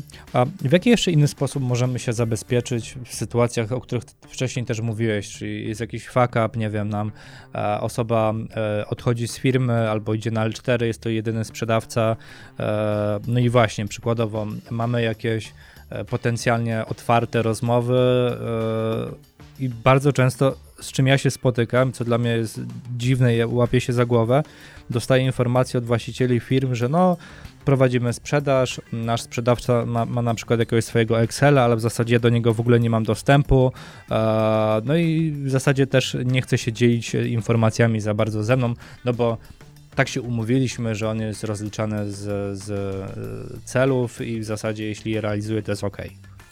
Tak, to jest naj, chyba najczęstsze i, i największe e, niedogadanie, jakie może być. Czyli, że wiedza e, o obecnych sprzedażach, o, o, potencjalnych sprzedażach jest w głowie konkretnej osoby albo w Excelu. Do, jakby to dla nas to jest tożsame, bo to nie jest u nas w firmie. I źle rozpoczęta rekrutacja i onboarding sprzedawcy no później powoduje, że już na tych warunkach musimy, e, no musimy żyć. Nie? nie ma czegoś takiego, że umawiamy się z sprzedawcą, mordo, ty dostajesz 10% od, od sprzedaży plus podstawę yy, i rób, działaj. A nagle mówimy, ale wiesz co, to ty musisz to wrzucać u nas, żeby jeszcze, żeby mieć backup tego wszystkiego i tak dalej. Bo mówi, nie, nie tak się umawialiśmy. I ja często odradzam szybką rekrutację bo, bo można bardzo łatwo przestrzelić, bo my nie wiemy, czy dać 3%, 10% czy 20%, a przecież okaże, że w drugim miesiącu sprzedawca ma 20 tysięcy y, wypłaty, a my mamy dwa, zostaje nam w firmie. Nie? I, i, I co? I pierwsze, co byśmy chcieli zrobić, to chcielibyśmy e, powiedzieć, hej, zmieńmy warunki. No ale to, to trochę tak jak Marcin Prokop kiedyś opowiadał, że on podpisał umowę e, z TVN-em dawno temu, jak jeszcze nie było tam za bardzo internetu e, takiego, jakiego, jaki, jaki dzisiaj znamy i on tam nie ma zapisów, że że nie może mieć kanału y, na YouTubie, że nie może sprzedawać, y, że może realizować kampanie komercyjne bez zgody TVN-u i tak dalej. No i co przychodzi nowy prezes TVN-u, to mówi, słuchaj, to może zrenegocjujmy tę umowę. A on mówi, nie. Nie, mi jest dobrze tak jak jest, ja nic nie chcę zmieniać. Jak chcecie, to możecie ją rozwiązać, no i zrealizować świadczenia przy rezygnacji tam, nie wiem, pewnie od prawa na ileś tam miesięcy. I, i tak samo sprzedawca. Dlaczego on ma nagle zrezygnować? Zarabia dwie dyszki miesięcznie. To, że ty jesteś lamerem i, zamiast sprzedawać wcześniej i nauczyć się liczb i zobaczyć w ogóle, jakie będą te proporcje, e, zatrudniłeś go i obiecałeś mu złote góry, zrobiłeś to. Czy, czy, czyli, czyli pierwsze to, to e, na pewno nie możemy pozwolić, żeby w głowie sprzedawcy była cała wiedza. Po drugie, musimy sprzedawać wcześniej, żeby w ogóle mu dać odpowiednie warunki, bo można go bardzo dobrze stracić. A po trzecie, y, ja na szkoleniach bardzo często rozrysowuję cały proces sprzedaży, czyli to początek to jest w ogóle zdobycie kontaktu w jakiś sposób, e, końcówka no to jest podpisanie umowy i rozdzielamy sobie to na, na, na, na poszczególne etapy i piszemy, jakie cechy charakteru i umiejętności są potrzebne. I okazuje się, że pierwszy i ostatni etap jest bardzo podobny, a ten środkowy jest y, też podobny do siebie, ale to jakby nie da się znaleźć osoby, która przez cały proces sprzedaży poprowadzi klienta optymalnie. Nie znajdziemy introwertyka, który potrafi naparzać w Excelu przez 8 godzin dziennie bez, bez otwierania buzi, a na drugi dzień nie pójdzie do klienta nie zrobi show, nie wyjdzie na event, czy, czy po prostu nawet przez rozmowę telefoniczną nie pokaże mordo. Ok, jestem dwa razy droższy, no ale zarobisz 8 razy więcej. Dlaczego? Bo to, to, to i to. Nie ma takich osób. Nie? I teraz, jeżeli my rozbijemy sobie proces sprzedaży na poszczególne etapy i zatrudnimy poszczególnych ludzi, to jeżeli wypada nam jedna osoba i mamy to w CRM-ie, to bardzo szybko jesteśmy w stanie to uzupełnić. Nie, to trochę tak jak taśma produkcyjna. Wyobraź sobie, że e, szkolimy gościa, który tworzy cały samochód sam. Tam, nie wiem, Opla, Fiata, jakieś inne prestiżowe auto. E, pamiętajcie, ja jestem z Radomia, także dla mnie to jest naprawdę prestiżowe auto. Pewnie. E, I, e, przy okazji chciałem powiedzieć, że ja mam takiego jednego na sprzedaż, także... Jak coś, to sprzedam Opla. O, pięknie. E, to jeżeli można się ogłaszać, to e, jakubsyran.pl e, łamane przez sprzedam, kupię, zamienię.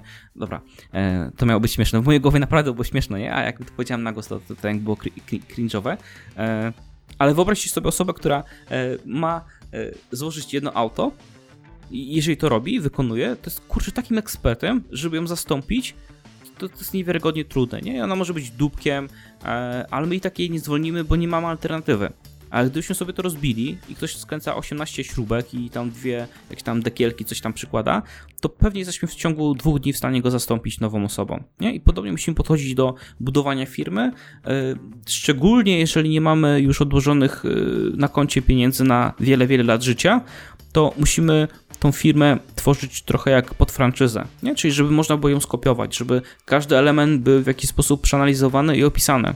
W McDonaldzie wiesz, jak często trzeba sprzątać toalety yy, i to jest niewiarygodne, jak powiedziesz niestety yy, do KFC, yy, do Burger Kinga czy do McDonalda, to poczujesz dosłownie różnicę w opracowaniu materiałów tych właśnie franczyzowych.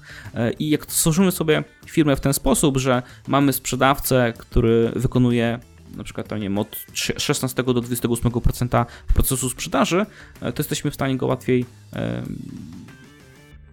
nie chciałem powiedzieć zastąpić, wymienić, ale inaczej, jesteśmy bardziej kuloodporni na szantaż. Mhm. Okej, okay, czyli tak wyciągnąłem w zasadzie dwa takie słowa kluczowe, czyli pierwsze E, nawet jeżeli jesteśmy małą firmą, to warto, żebyśmy sobie rozpisywali bardzo szczegółowo taki step by step, e, jak wygląda na przykład proces sprzedaży i nie tylko. A drugie, no posiadajmy jakiś system, choćby prosty CRM, który będzie zbierał nam informacje, tak? Mhm. Bardzo, Dobra, bardzo, bardzo, dobrze, za chwilkę będziesz. Przepraszam, że prowadzę ten program, no ale ktoś musi. nie krępuj się. Jak to. Okej. Okay. Z tym CRM-em, właśnie przecież prosty, tak? CRM? Tak. E, I, I, to jest w ogóle ciekawe, że przedsiębiorcy. E, no, CRM to jest trochę jak, jak e, respirator na ojomie. Dość istotne. I, mhm. I, często się szuka czegoś prostego, darmowego i to jest w ogóle taki paradoks, nie? że coś, co jest niesamowicie ważne, powinno być centrum, sercem naszej firmy. Kiedyś pamiętam, korzystałem z mini CRM, bo właśnie byłem początkującym przedsiębiorcą i myślałem, że... Też pamiętam, to była firma z Bielska chyba kiedyś. Nawet. Tak, tak, tak, tak, dokładnie. I żeby dodać tam kontakt, trzeba było przewinąć dwie strony, nie? w sensie dwie długości ekranu. I to był mini CRM. A bierzesz jakieś dużo większe, to masz tam na przykład trzy pola i już jedziesz. Że, żeby też szukając CRM, nie popaść w taki y, jakiś błąd logiczny, że jak się coś nazywa po prostu crm.pl, e, to jest prostym, nie? Tylko trzeba przetestować. Mhm. Ja na przykład polecam mm, Livespace'a, Pipedrive'a, e, User.com, który oprócz CRM ma też całe moduły Marketing Automation e, i tam dużo łatwiej dodać leada, dodać kontakt niż na przykład w mini CRM-ie. Czyli bardziej miałem na myśli, taki to był mój skrót myślowy odnośnie prostego CRM-u, bardziej dostosowanego do naszych potrzeb, tak? No bo możemy kupić albo, albo wziąć abonament na jakieś rozbudowane narzędzie, natomiast okaże się, że trzy czwarte funkcjonalności na ten moment nam są niepotrzebne. Natomiast jeżeli będzie można podczas rozwoju firmy bardzo prosty sposób y, tą naszą bazę z jednego e, przenieść do drugiego CRM, już tego bardziej rozbudowanego, no to na tym etapie dopiero warto o tym pomyśleć. No, no bo duża część firm, ja też się z tym spotkałem, że na początku, no właśnie, oni jeszcze nie mają procesu zrobionych, nie do końca wiedzą, jak wyglądają lejki sprzedażowe, zaczynają budować to wszystko i tak naprawdę na tym etapie ciężko im przewidzieć, jakie fun- funkcjonalności, jakie integracje będą im potrzebne na samym początku, nie? Mhm. E, tylko zmiana e, CRM-a w trakcie będzie problematyczna dla wszystkich i może być tak mhm. samo jak na początku z tym e, sprzedawcą, który miał 10% za sprzedaż i nie miał nic dalej robić. I nagle jak mówimy wrzucaj do CRM-a to jest opór, i tak samo tutaj. Zatrudniliśmy kogoś, przeszkoliliśmy tam, nie wiem, pięć osób, pracują na CRM-ie rok, mówimy, teraz potrzebujemy czegoś bardziej zaawansowanego. No i będzie opór, pierwsze nie lubimy zmian, nie wiem, teraz Facebook zmienia swoją skórkę i, i to jest paskudne. Nie lubimy tego. E, ale, ale już e, kilka razy zmieniają, jakoś się potrafimy przyzwyczaić, ale ten pierwszy moment zawsze dla nas jest trudny, e, więc, więc po pierwsze to jest złe, a po drugie dlaczego zmieniamy CRM? Może tamten ma lepsze raportowanie handlowców, Czyli oni się będą czuli szpiegowani w jakiś sposób, nie? Wszystkie rzeczy e, takie powodują no, problemy. Lepiej e, wybrać dobre rozwiązanie, które nie musi być najtańsze, ale najtańsze na zasadzie 30-50 euro za użytkownika. To mówimy o takich nie najtańszych rozwiązaniach. To są e, jakby no już takie drogawe, a tak naprawdę jak przeliczymy ile kosztuje nasz pracownik, minimalna krajowa, nawet jeżeli tylko i wyłącznie urządzenie, tam komputer, telefon i tak dalej, to się okaże, że to są grosze nie? E, tak. Okej. Okay. Okej, okay, bo mówimy ciągle o tym sprzedawcy. To kiedy go zatrudnić do tej firmy? E, jak znamy liczbę. Czyli e, jeżeli jesteśmy w stanie w ogóle przewidzieć, jak on będzie pracował, ile zarobi, bo na przykład ja jako właściciel firmy usiądę sobie i na przykład przepracuję, nie wiem, 200 godzin i w tych 200 godzinach zrobiłem x y, rozmów, x ofert, x sprzedaży i mniej więcej sobie jestem w stanie na przykład napisać, że ok, czyli 200 godzin e, to się na przykład równa, e, nie wiem, w sumie zobaczę, że 100 ofert i z tego na przykład 10 faktur wystawiłem. Nie? Czyli mamy już te, i na początku ile kontaktów, na przykład 300. Ja sobie to tam rozrysowałem, fajnie, że wy nie widzicie, ale jestem dumny z mojego rysunku. I, i na przykład jesteśmy w stanie, ok, czyli ktoś w 200 godzin jest w stanie zrobić tylko 10 sprzedaży, chyba, że będzie dużo lepszy ode mnie okej, okay, dobra, to y, czy, czy to mi się opłaca? Czy na przykład mam jeszcze źle doopracowaną komunikację, może y, poszukam konsultanta, który mi pomoże na tym etapie, no bo nawet pójść do konsultanta i kupić kilka godzin w porównaniu do minimalnej krajowej za jeden miesiąc, no to, to, to, to już są większe koszta, nie? E, więc y, jak nie znamy tych liczb, nie jesteśmy w stanie zobaczyć, co on przyniesie, bo często często zatrudnia się sprzedawca na zasadzie nie mamy sprzedaży, chcemy sprzedaż zatrudniam sprzedawcę. Ale wtedy okazuje się, że dalej nie mamy sprzedaży, ale mamy, ale mamy kolejną sprzedawcę. osobę. Tak, ale mamy kolejną osobę na liście płacy, nie? Mamy sprzedawcę. E, po to, tak jak wcześniej ten przykład z ciastem, że jeżeli my nawet mieliśmy tam 100 ofert, przygotowaliśmy, mieliśmy 10 sprzedaży, to mamy skuteczność słabą, ale jeżeli ten handlowiec będzie miał jeszcze słabszą, no to my jesteśmy autorytetem. A poza tym też trzeba bardzo unikać jednej rzeczy, jak sprzedawcą zarządza osoba, która nigdy nie sprzedawała bo to rodzi taki rozjazd. E, nie spotkałem nigdy w swoim życiu e, pozytywnego jakiegoś takiego case'u, e, że ktoś przychodzi i mówi: Ej, mordo, więcej dzwoń. A sprzedawca mówi: Ej, ty nigdy nie sprzedawałeś, nie wiesz o co chodzi. Teraz w ogóle nie jest czas na dzwonienie, bo teraz ludzie są na lunchach. Zadzwonię po 16 czy po 15 w ostatniej godzinie pracy potencjalnego klienta, dlatego że wtedy będzie najlepiej. I, i rodzi taki dystans i poczucie totalnego niezrozumienia. Dlatego nawet tylko i wyłącznie dlatego, żeby mieć autorytet u sprzedawcy, trzeba sprzedawać. Okej, to, ja, to ja mam od razu pytanie jeszcze z tym związane, mm, e, takie uzupełniające. Mm, Przykładowo jest case taki, że mamy właściciela firmy, ten właściciel firmy tylko i wyłącznie e, sprzedawał na zasadzie relacji, budowania relacji tak naprawdę i widoczności, nazwijmy to, siebie jako takiej mm, e, marki osobistej, to za bardzo te liczby chyba nie będą miarodajne do tego, o czym powiedziałeś, tak? No bo to nie jest taka typowa sprzedaż. E, No i pytanie, no właśnie, w jaki sposób wtedy wprowadzić jednak tą taką typową sprzedaż? Jasne, to też jest częsty błąd, e, że e, my mamy jakieś efekty, bo na przykład jesteśmy twarzą firmy, na przykład te- przy- ten, ten, ten Michał Salowski wcześniej wspomniany, on pewnie miałby inne, nawet konwersję z rozmowy na spotkanie, bo każdy by chciał się ze statkiem spotkać, niż jakiś handlowiec. Wtedy najlepszym sposobem, w moim odczuciu, na wprowadzenie sprzedawcy jest e, jakby taka pewna forma asystenta. Nie? Czyli je- proces sprzedaży jakby jest, jest taki, e, ok, no to wezmę osobę, która na przykład będzie, nie wiem, ze mną na spotkaniu e, i jak będzie ze mną na spotkaniu i, i oczywiście jestem przeciwnikiem spotkań, bo często one w ogóle są nieuzasadnione, ale przypuśćmy, że są takie deale, że trzeba się spotkać i w ogóle mamy taką grupę docelową, gdzie trzeba się spotkać, e, więc na przykład wezmę go na spotkanie i on na przykład później będzie już prowadził komunikację, wprowadzę go, przedstawię i tak dalej, nagle się okazuje, że my nie oddajemy całej sprzedaży, że my nie oddajemy na przykład połowy klientów, tylko my oddajemy pewne działania w jednym procesie sprzedaży, czyli na przykład będzie, nie wiem, 50 kontaktów w sumie z klientem i 30 zrobi sadek, a 20 zrobi nowa osoba, nie? Oczywiście to będzie tam na początku pewnie 2-3 będziemy analizować, sprawdzali, e, warto nagrywać wszystkie rozmowy, jeżeli oczywiście nasz prawnik na to pozwoli, a jeżeli nie pozwoli, to zmienimy go na Tomka Palaka, e, albo oczywiście tutaj e, radcę podatkowego na, na Łyska. Właśnie, bo wy się śmiecie, że jest radcą prawnym, a podobno radca podatkowy jest jeszcze bardziej nielubiany. Stary, zrobiłeś wszystko, co można. Po pierwsze, doradca podatkowy, po drugie, wcale nie, bo adwokat, to po trzecie, mojego nazwiska się e, nie odmienia, także ja żegnam się z wami. Łysy, każde Wi- nazwisko. Żegna się z państwem Piotr Łysko! Łysy. A mogę każde stwierdzić, że mu chyba lewatywa nie weszła, bo jest jak marudny. Mojego nie.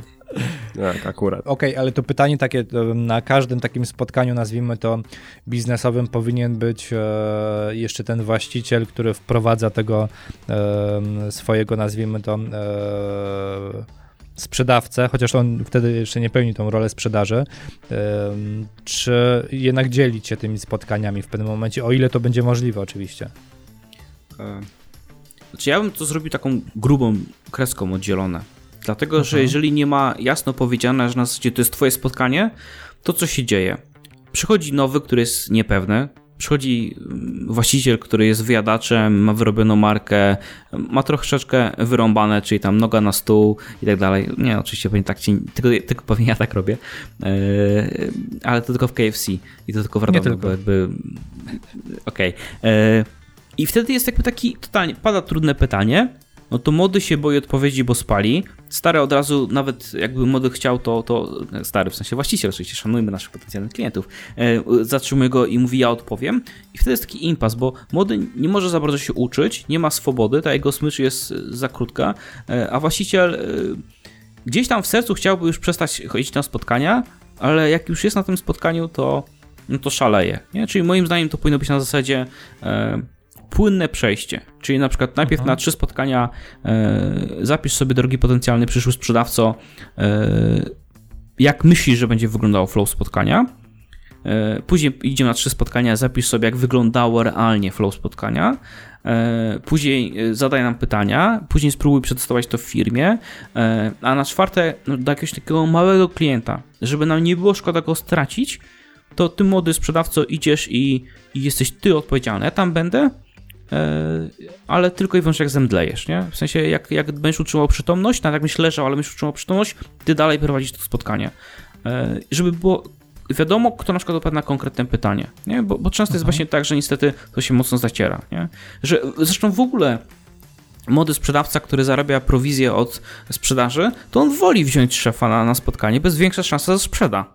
Ale szef by jednak wolał y, mniej pracować jako sprzedawca, bo już wolałby odcinać kupony, nie? I, y, I najbardziej właśnie psuje w firmach ten brak planu, brak podziału obowiązków, pytanie, ile osób ma spisane obowiązki stano- stanowiskowe, nie? Jakby jak, to, jak, to, jak, to wygląda, e, rozwój tych osób, podział, ile osób ma proces sprzedaży, nawet jakbyście, przypuśćmy, że po, podcast jest waszym korowym projektem i na tym chcecie zarabiać, to pewnie jako taki standardowy przedsiębiorca wzięlibyście zatrudnienie handlowca, który gdzieś tam sprzedawał i powiedzielibyście, no to przygotuj um, oferty, przygotuj umowy, zróbcie to, e, drogi, znaczy zróbcie to, ty sam to zrób, e, nowy sprzedawco e, i nara. I, I za miesiąc patrzycie, czy sprzedaje, no jeszcze nie, bo dopiero oferty wchodzą, on wystawi 20 ofert, proces sprzedaży trwa, czy jeszcze go utrzymujecie 3 miesiące, w trzecim miesiącu trudno go zwolnić, pomimo tego, że kończy się umowa, dlatego, że już wydaliście na niego tam przypuśćmy 15 tysięcy,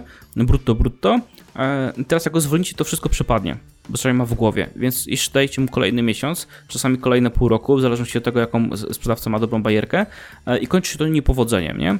E, Minus pół roku, minus y, x tysięcy złotych, minus trochę włosów, chociaż widzę, że niewielu z was akurat to by dotknęło, E, a gdybyście na przykład teraz ustalili sobie po, po tym podcaście, e, no Michał się cieszy jako jedyny kudłaty, e, ale ile ty na szampon musisz wydawać? Chłopie.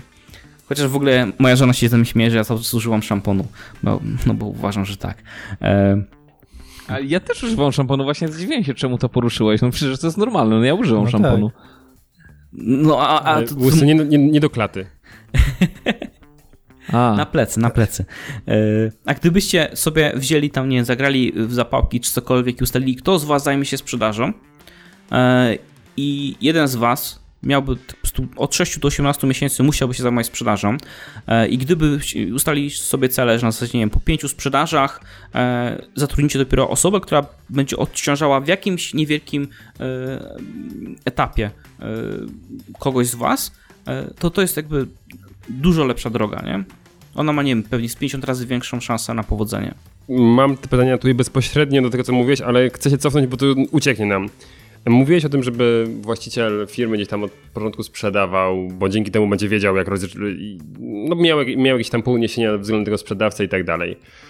Ale to są zadania, które dla, myślę, większości ludzi mm, są mega niekomfortowe. To co zrobić, żeby mimo tego, że no prowadzimy firmę i powiedzmy coś totalnie oderwanego, nie wiem, y, robimy torty. Coś takiego miłego, fajnego, ten. No ale no dobra, no te torty też trzeba sprzedawać. I jeśli ja sobie chcę zrobić, core mojego biznesu to jest robienie tortów artystycznych, ale nienawidzę sprzedaży, to co zrobić, żeby zacząć? A ile taki tort kosztuje? 400, 5, strzelam. Mówimy o artystycznych, takich wiesz, naprawdę... Nie wiem, co znaczy, wiesz, ja jestem z Radomia, jakby dla mnie artystyczny tort to tani. Ja tort. wiem. E, Oreo, w sensie ciasteczko. Jest świeczka wdupiona w środek.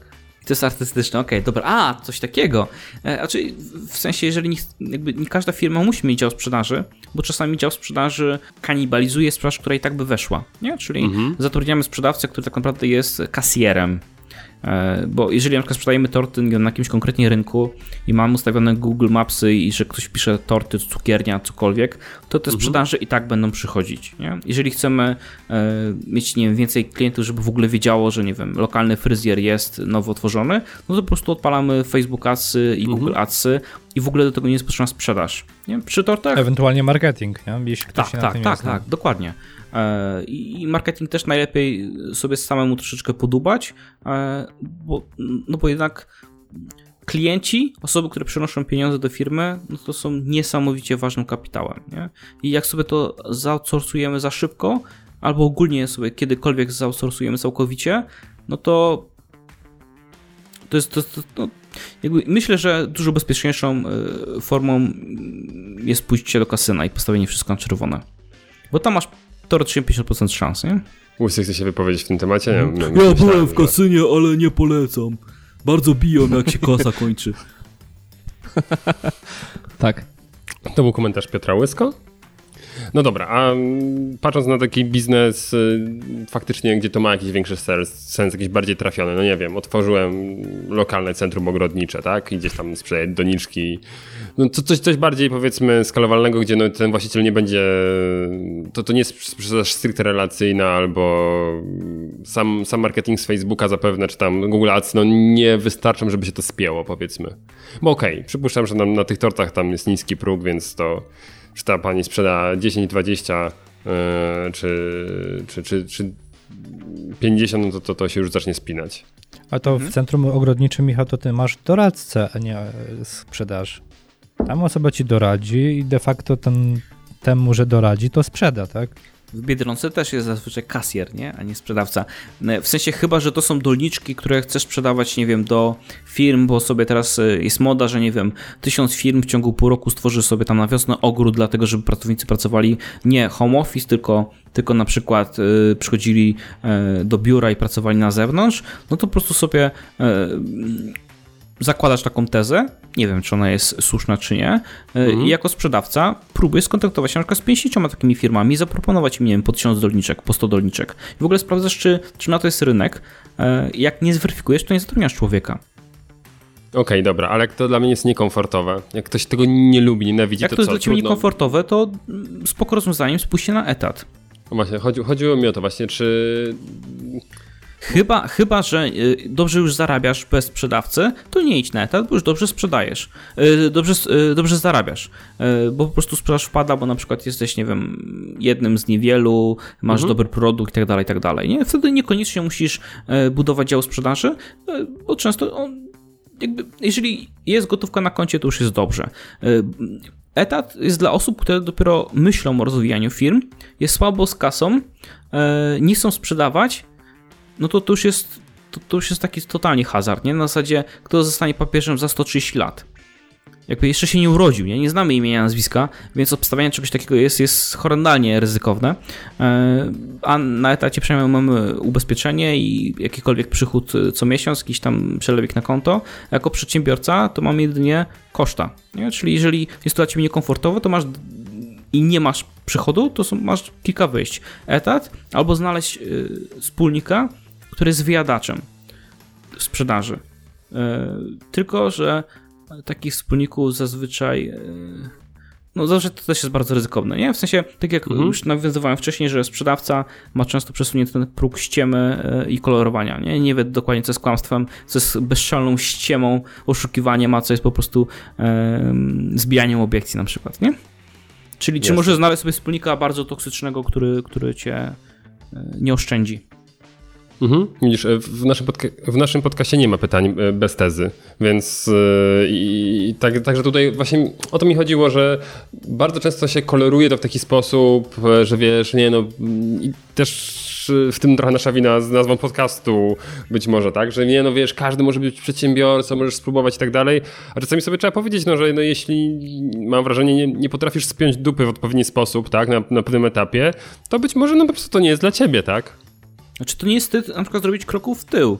To, że na przykład idziesz na, na etat, bo na przykład jest kryzys e, i wolisz mieć, nie wiem, odłożone 20 tysięcy na koncie niż minus 50 tysięcy na koncie, e, to to jest bardzo rozsądna i dojrzała decyzja. W zależności jeszcze od tego, czy masz dzieci, czy nie masz i tak dalej, to, to w ogóle to nie jest przegrane. Ostatnio na Facebooku widziałem, że jeden gość sprzedał firmę za 150 milionów złotych, e, ale Forbes wyceniał tę firmę tam, nie wiem, rok wcześniej na 600 i ludzie zaczęli jechać po nim, że jest frajerem sprzedał firmę za 150 milionów, może już do końca życia nie pracować, możesz sobie kupić jacht, dwa domy, jeden w Los Angeles, gdzieś drugi i po prostu no, wydawać 3 miliony e, rocznie, ale jest frajerem, bo tanio sprzedał, nie? I, ale kto to, kto to mówi? To nie mówią przedsiębiorcy e, z przychodem, tylko to zazwyczaj właśnie mówią e, osoby, przedsiębiorcy e, przyszli przedsiębiorcy, którzy jeszcze totalnie, jak ta pani europoseł, która e, jak nie zatrudniała, to ona chciała, żeby były parytety, ale jak zatrudniała i zobaczyła, że tak naprawdę e, ciężko jest na przykład zatrudnić, bo ona e, lobbuje te, te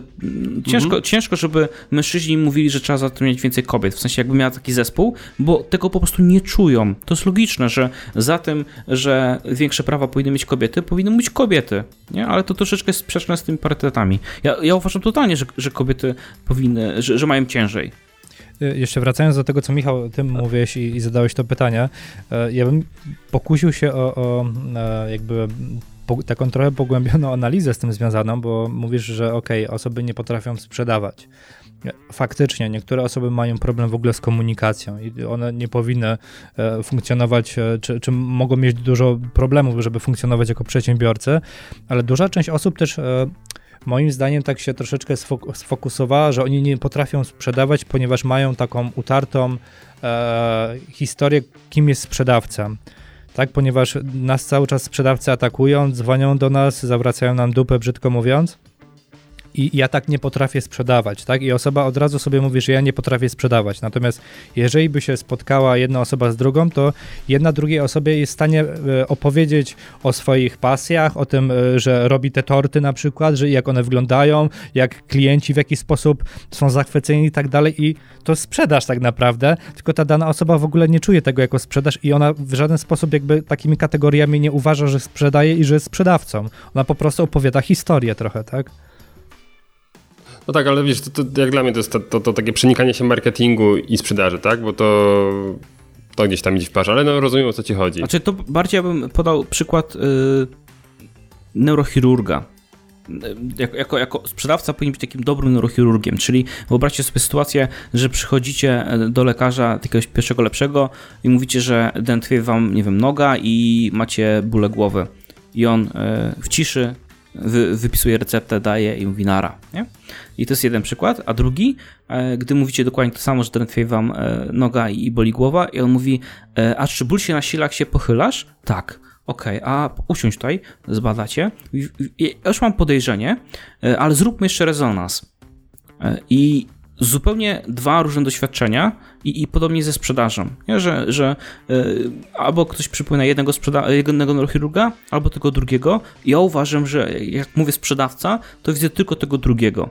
Nie? Czyli dlatego na początku pojechaliśmy po tych konsultantach, trenerach, szkoleniowcach i, i tych wszystkich e, bullshitowych rzeczach, e, dlatego mm, rzeczach, przepraszam, ludziach jak najbardziej, oni są tam gdzieś tam mają jeszcze PESEL. E, że musimy być totalnym doradcą, nie? Totalnie pomagać, rozwiązywać problemy. Nie sprzedajemy właśnie tej kołdry, bo ona tak naprawdę nic nie, nie powie, tylko powiemy, proszę pani, e, no po co roczną emeryturę wydawać na, na pościel, jak tak naprawdę to kupiliśmy na AliExpress za 200 zł, nie? E, I jak najbardziej, przedsiębiorcy mają, ogólnie wszyscy mają mylne pojęcie o sprzedawcy, bo w Polsce, e, nie, w Ameryce jest takie powiedzenie, że pierwszy milion trzeba zarobić jako sprzedawca, taki akwizytor, a w Polsce, że pierwszy milion trzeba ukraść.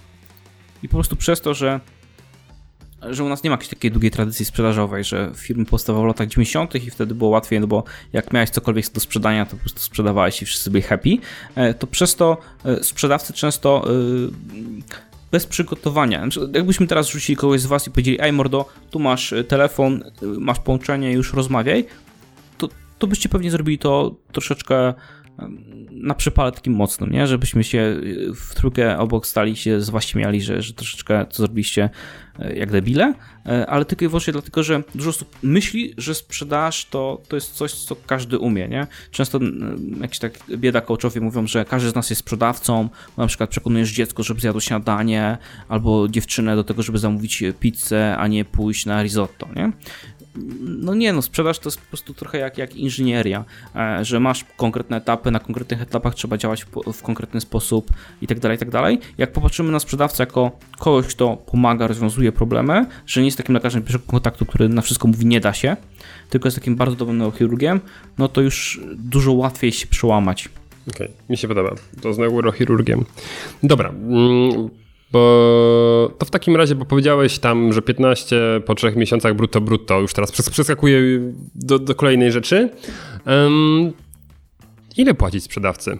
Jak, czy masz jakiś pomysł, jak rozliczać się ze sprzedawcą, tak żeby właśnie nie było sytuacji, że no ty tam ledwo ci na ZUS starcza, a ten wychodzi po trzech miesiącach e, z Porszakiem?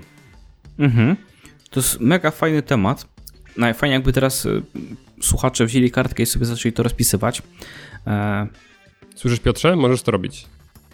Dlatego, że e, z badań wynika, że 75% e, sprzedawców czuje się oszukanych podczas rekrutacji. E, I Często jest tak, że jak zatrudniamy sprzedawcę, to mówimy mu, mordo, będziesz zarabiał e, sky e, is the limit, tak? Jakby ile sprzedawaj, ile chcesz i zarobisz po prostu miliony, ale często e, nawet nie wiemy, jaki jest potencjał rynku, czy mamy produkt dobry. I jeżeli sobie zrobimy te wcześniejsze ćwiczenie, czy my posprzedajemy, na przykład możemy powiedzieć sprzedawcy, hej mordko, ja przepracowałem tam 200 godzin, y, sprzedałem tam za 3 miliony, za 30 tysięcy, tam w zależności od tego, jaki mamy produkt, jaką mamy marżę i tak dalej. Y, Czyli wykonując tyle tam kontaktów, y, tyle ofert miesięcznie, powinien zarobić tam, nie wiem, szóstkę. Zobacz, to są nasze faktury, zobacz, to jest nasz CRM, tak to wygląda. Bo chodzi mi o to, żeby przekonać sprzedawcę na model prowizyjny, a nie na podstawę tylko i wyłącznie.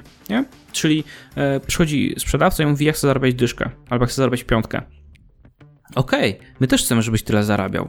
E, I jeżeli wykonasz dokładnie to, co, co, co my robiliśmy jako lamerzy, nie sprzedawcy zawodowi, e, no to zarobisz na przykład, nie wiem, siódemkę. A jeżeli jesteście, jesteś lepszy, to zarobisz dużo więcej, tylko że podstawa powinna w moim odczuciu być taka, żeby dać e, poczucie bezpieczeństwa w danym mieście i w danej sytuacji życiowej, czyli jak najmniejsza. W 2-3 lata temu w Poznaniu e, rekomendowałem podstawę mm, 2200, bo chyba też taka była legalna, dzisiaj już e, e, minimalna krajowa chyba jest, jest, jest troszeczkę inna, chociaż 2600. tak, tak. I w przyszłym roku miało być 3, ale jednak 2800. e, Przez jakiś czas można chyba było wypłacać 80% e, pensji i tak dalej. Jakby to się strasznie miesza. Ale wtedy to była kwota, jakby my mówiliśmy prosto, zobacz, to są wyliczenia. Ty powinieneś w ciągu dwóch miesięcy dodatkowo zarabiać 1500. Jeżeli tego nie zrobisz, to nam się nie opłacasz. Jakby ta współpraca i tak nie będzie jakby długodystansowa. E, Czyli jak chcesz zarabiać y, tam, nie wiem, trójkę, to bardzo dobrze musisz zarobić minimum czwórką na, żeby się utrzymać, ale podstawa będzie 2200. I y, raz zrobiłem wyjątek, jak pomagałem przy rekrutacji, gdzie ktoś y, chciał więcej podstawę, ja mówię, mordo, y, no, no, no nie, no podstawa to podstawa, resztę zarobisz sobie z prowizji. To powiedział, wiesz co, ja miałem jakąś tam operację i spłacam kredyt i dla poczucia bezpieczeństwa potrzebuję mieć 2600. Ja mówię, okej, dobra, nie, nie ma tematu 2600, tylko przeliczyliśmy mu to w Excelu, że w takim razie zwiększa się to po prostu prowizyjnie w ten sposób, że musisz sprzedać X, które jakby jest wliczane w podstawę, a dopiero od kolejnej kwoty masz, masz prowizję, nie? Czyli musimy tak jak najniższą dać podstawę realną dla kogoś, czyli jeżeli ktoś ma, nie wiem, piątkę dzieci, to pewnie to będzie inaczej niż jakiś singlem, w zależności też od, różnego, od różnych miast, bo nie wiem, na Podlasiu czy na Podkarpaciu stawki będą zupełnie inne niż na przykład w Warszawie czy, czy w Krakowie, e, czy we Wrocławiu, bo Wrocław jest blisko Niemiec i tam niestety, znaczy niestety dobrze, e, ceny często są, są wyższe niż na przykład w Radomiu. E, Znaczy nie wiem, czy dobrze, że... No, Rad- Radom powinien być najbogatszym miastem w ogóle w Polsce, nie? I, i Gorzów, tak? Bo jesteście z Gorzowa, czy... Dostęp do morza. A, Nie, nie, nie. Mamy My Radomkę, mamy- taką rzekę, to nam wystarczy. Ja z, ja, z, ja z Mateuszem jestem z Katowic, a Michał jest jeszcze śmieszniej niż ty, bo z Sosnowca. Okej. No to Już ty przynajmniej masz internet. I drogi. Coś ci mi wpadło do oka, tak? Tak, o, tak, I, tak. cie, i, cie, I ciepłą wodę Ale. Lamer pomylił nawet palec, nie? Jakby teraz, y, teraz dla słuchaczy po prostu jeden z prowadzących chciał pokazać środkowy palec, ale nie policzył, który to jest Ten z środkowy. Sosnowca. Nie, po prostu szanuję Piotra. Tak. Chciałem Za- za- za- przeklnąć, za dużo moich ale spraw prowadzi. grzecznie. Tak. JP takie, y, nie, czy to jest, y, nie, to nie jest JP, no to nie, może być JP, bo Piotr w sumie. Tak 80%, bo jednak 20% musi mi tam jeszcze rzeczy porobić. Okej, ale jesteśmy przy minimalnej krajowej. E, bo im damy niższą podstawę, tym mniej ryzykujemy. Nie? Bo jeżeli damy tam, nie wiem, piątkę, bo uwierzymy, e, no to po trzech miesiącach naprawdę brutto, brutto, no bo to, że ktoś dostanie piątkę, to my musimy mu brutto wypłacić wyższą kwotę, a jeszcze mamy koszta dodatkowe pracodawcy. Można sobie po prostu wpisać kalkulator płacy i zobaczyć, jak to wygląda. To jest przerażające, tam, nie wiem, dochodzi 40-60% w zależności od umowy i tak dalej. Czyli z piątki nagle się robi siódemka, ósemka, razy trzy, to wychodzi po prostu mega duża kwota ryzykowna, dlatego ja lubię, jak nie sprzedasz nic, to będziesz miał te 2200, brutto, brutto to i tak jest ponad 3, e, ale jeszcze zrobić e, taki myk, że e, nie bać się zwalniać bardzo szybko. Bardzo szybko mam na myśli w ciągu kilku dni. Czyli wprowadzamy, czyli po pierwsze, my sprzedawaliśmy wcześniej, mamy to rozpisane, wiemy jak powinna wyglądać pierwsza rozmowa, wiemy jakie mamy liczby i dajemy taki po prostu podręcznik do nowego pracownika i mówimy mordeczko. Tak się zwracamy do pracowników, bo ogólnie, nie wiem czy, czy wiecie, ale tak jest przyjęte przez Unię Europejską. Zwracamy mordeczko i mówimy mordeczko, naucz się tego, masz tam dwa dni i później działasz.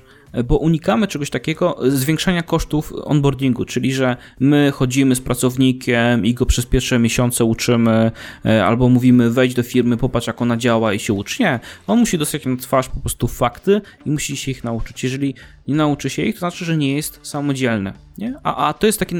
I, i, I jak dostanie na przykład na dwa dni podręcznik, siedzi w biurze i się uczy, na przykład trzeciego dnia możemy zacząć od kartkówki. I to czasami ludzi przeraża, jak dorośli ludzie kartkówka, no ale w czym problem? My wymagamy od, y, od niego, żeby miał jakąś wiedzę, nie wiem, jak na wózek widłowy trzeba mieć egzamin, dlaczego na sprzedawcy nie można mu zrobić egzaminu? Nie? Jakby my często boimy się i negocjujemy sami ze sobą i chcemy być takimi dobrymi wujkami, przyjaciółmi. Nie, mordeczko, miałeś dwa dni, zapłaciliśmy za to, nie wiem, 300 zł, czy ile tam wyjdzie, 400 e, może, e, więc chcielibyśmy sprawdzić, co przez ten czas zrobiłeś e, i jak trzeciego dnia rano z kartówka, to na przykład trzeciego dnia już tam po dziesiątej go wprowadzamy w jakieś tam nasze działanie, na przykład wykonuje część naszej pracy i, I wtedy już trzeciego dnia jesteśmy w stanie widzieć, czy on jest, czy ogarnia, czy jest samodzielny, czy szuka wymówek. E, jeżeli nasze przekonania negatywne utrzymają się czwarty dzień, piąty dzień, damy mu feedback, siódmy dzień, no to już możemy go zwalniać. Bo ja jestem zwolennikiem tej, tej, takiego zdania, że e, zatrudniamy wolno, zwalniamy szybko. I e, jak często na szkoleniach ktoś się z tym nie zgadza, to mówię, dobra, w takim razie niech podniesie rękę do góry ten, kto uważa, że kiedyś zwolnił za późno i wszyscy podnoszą rękę. Ja jestem zdania, że powinno się zwalniać wtedy, kiedy ktoś wywołuje w nas gniew, złość. Dlatego, że jeżeli, nie wiem, e, mi by się teraz rozłączył mikrofon, e, to byście mi udzielili wskazówki miłosiernie, łaskawie, ja bym sobie to poprawił, ale gdybym się to zrobił 20 raz, dlatego, że na przykład macham ręką, piję kole i tak dalej, to byście już byli na mnie źli. E, nie? I teraz o taką złość, jeżeli mamy handlowca, który na przykład się nie uczy, nie wykonuje zadań, olewa, szuka wymówek, to dajemy mu jeden raz wskazówki, drugi raz wskazówki, a za piątym razem po prostu już nie ma sensu, nie? I, I, najczęstszym chyba w Polsce błędem takim e, rekrutacyjnym jest to, że jak podpisujemy umowę na 3 miesiące, bo to jest jakby taki, nie wiem, e, przepis na sukces, ktoś to wymyśli pewnie kiedyś i, i teraz to się powiela, to bardzo tego nie chcemy zrywać, rezygnować. Dlatego jestem zwolennikiem ciężkich rekrutacji, na których na przykład jestem bardzo złym policjantem, czyli jest dwie osoby z firmy plus ja i grilluję gościa. Bo dla mnie najlepiej jest, żeby odpadł na tym etapie, niż żeby na przykład odpadł po dwóch tygodniach, dlatego że on się musi zwolnić z poprzedniej pracy, musi tam mieć jakieś tam badania yy, medycyny pracy, BHP, szkolenie i tak dalej u nas. Mnóstwo niepotrzebnej energii. Lepiej, żeby odpadł e, na przedbiegach niż w ciągu tych dwóch tygodni, ale jeżeli się nie nadaje, popełnić błąd podczas rozmów rekrutacyjnych, to zwolnić go w ciągu tych dwóch tygodni. Wierzysz w zdalne działy sprzedaży? Tak jeszcze a propos e, pracy z, ze sprzedawcami? Wierzę. E, tylko, że trzeba mieć odpowiednich ludzi do tego. E, myślę, że 95% nie nadaje się. Możemy tą, tą, tą liczbę troszeczkę obniżyć poprzez, jeżeli mamy dobrze wyliczone wszystko i dobry system trackingu, nie? Czyli na zasadzie wiemy, że on dzisiaj powinien wykonać 30 kontaktów i na przykład widzimy w crm czy te kontakty wpływają regularnie, czy na przykład o 16 ktoś nie wbija 30 kontaktów zrobionych na oczepsie, nie? Znam przypadki, że na przykład handlowcy wiedzieli, które numery nie odbierają z CRM-u i tymi numerami każdego dnia nabijali sobie po prostu KPI, nie? Czyli musieli tam wykonać nie 80 połączeń i 80 połączeń wykonywali w 30 minut, bo po prostu ktoś nie odbierał, nie? I po trzech sygnałach się rozłączali. E, I bardzo łatwo, nie mając takiej wiedzy, jak wygląda dokładnie sprzedaż, procesy i tak dalej, bardzo łatwo jest dać warunki, które będą inkubować e, leni, jakby, no jakby to, to, trzeba w montażu zamienić na jakieś słowo grzeczniejsze, e, w pracy zdalnej, nie? Czyli oni bardzo szybko nauczą się realizować zadania, które zostały im powierzone, bo te zadania po prostu będą z bani. Na przykład zamiast y, liczba minut, y, jakby zamiast liczba połączeń, lepiej to przemienić na minuty rozmowy. Bo wtedy już tego się nie oszuka. Jeżeli na przykład potrzebujesz, nie wiem, 100-150 minut dziennie przegadać do osób, którym wystawiłeś oferty, to to już jest strasznie twarda i, i mało e, do obejścia liczba, nie? Bo no jeżeli... No chyba, że do emerytów będą dzwonić. E, tak, tylko że jeżeli to. Jeżeli, lubią długo gadać. Tak, tylko że jeżeli musisz do osób, które wystawiłeś im oferty, e, no to żeby wystawić ofertę musiałeś skwalifikować zgodnie z podręcznikiem, nie? Czy ktoś musi mieć odpowiednie stanowisko i tak dalej, czy emeryt na tym etapie by odpadł i nie dostałby oferty. A jeżeli rozmawiasz z osobą, która nie dostała oferty, no to w CRM widać, że to jest numer niepowiązany z jakimś kontaktem, nie? I, i, i zwykły KPI nastawiony na minuty o, y, przeroz, y, przegadane z osobami, które dostały wcześniej oferty, to jest, jest dużo lepszy I, i, przy, I, wtedy praca zdalna ma jakiekolwiek możliwości e, działania. Oczywiście strasznie ogolniając, bo może być tak, że e, zatrudnimy dojrzałego, odpowiedzialnego sprzedawcę, który będzie wyrzucał o 8 rano rodzinę na dwór i będzie pracował po prostu przez 8 godzin w naszej firmie i będzie przynosił niesamowite wyniki. Dlatego strasznie ogolniając, bo jakby nie wliczam tych takich ten. Mhm. Też mam takie pytanie, bo mówimy tutaj też o, o, o właśnie e, pracy takiej, nazwijmy to zdalnej. E, przykładowo mamy system taki jak Callpage na przykład, nie wiem, czy kiedyś z niego korzystałeś, ale jest tam możliwość między innymi e, odsłuchiwania rozmów sprzedawców. E, no właśnie, czy to jest coś, czy to już jest działanie po bandzie, czy jednak to jest działanie, które w jakiś sposób może wpłynąć pozytywnie, a czy na pewno wpłynie pozytywnie z mojego przynajmniej punktu widzenia na pracę z tymi sprzedawcami, natomiast e, czy ty popierasz tego typu działania? Czy to jest trochę jak nóż. Z nożem możesz zrobić różne rzeczy, nie? Czyli możesz odsłuchać rozmowy, nie wiem, przypuśćmy teraz jest która godzina, nie będę dotykał zegarku, bo pewnie wyłączę mikrofon, bo to jest spięte. 11.30. E, o, i na przykład e, przesłuchuję sobie rozmowę z 11.20 i teraz przychodzę do handlowca i mówię, mordo, ty w ogóle to robisz jak, jak no, jak nieumiejętny człowiek. E, i taki dajesz mu feedback i, i wracasz do siebie. I o 11.50 znowu to robisz i o 13.10 i po prostu dręczysz tą wiedzą sprzedawcę i go tylko po prostu gasisz.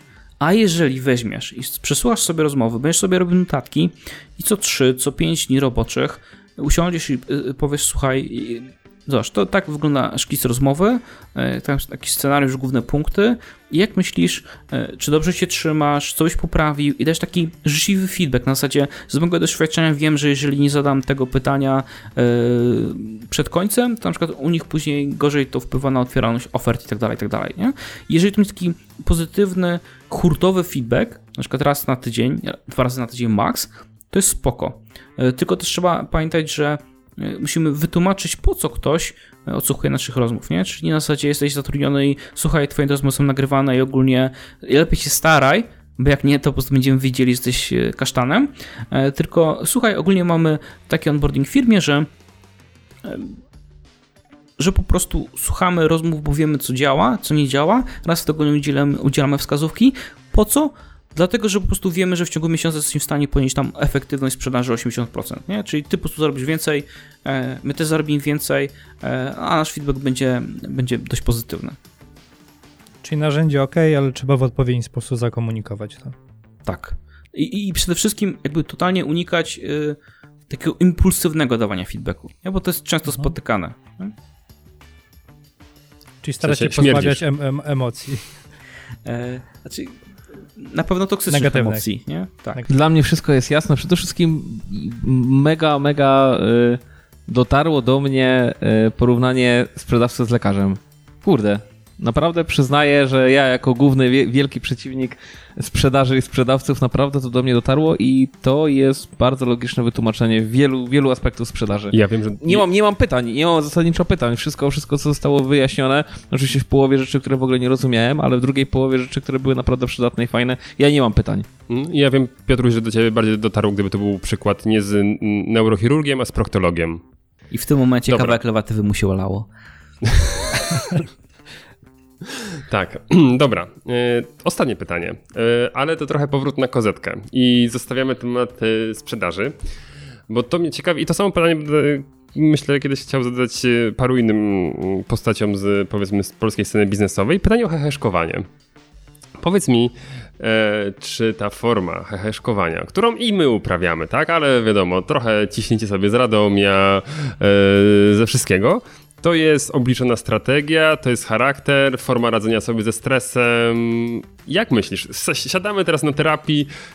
Co jest grane? I zwróć uwagę, że wiele osób to robi i my też się wpisujemy w ten trend. Jasne. E, u, mnie wyszło to naturalnie, e, ale później zostało to zablokowane przez e, doradcę PR.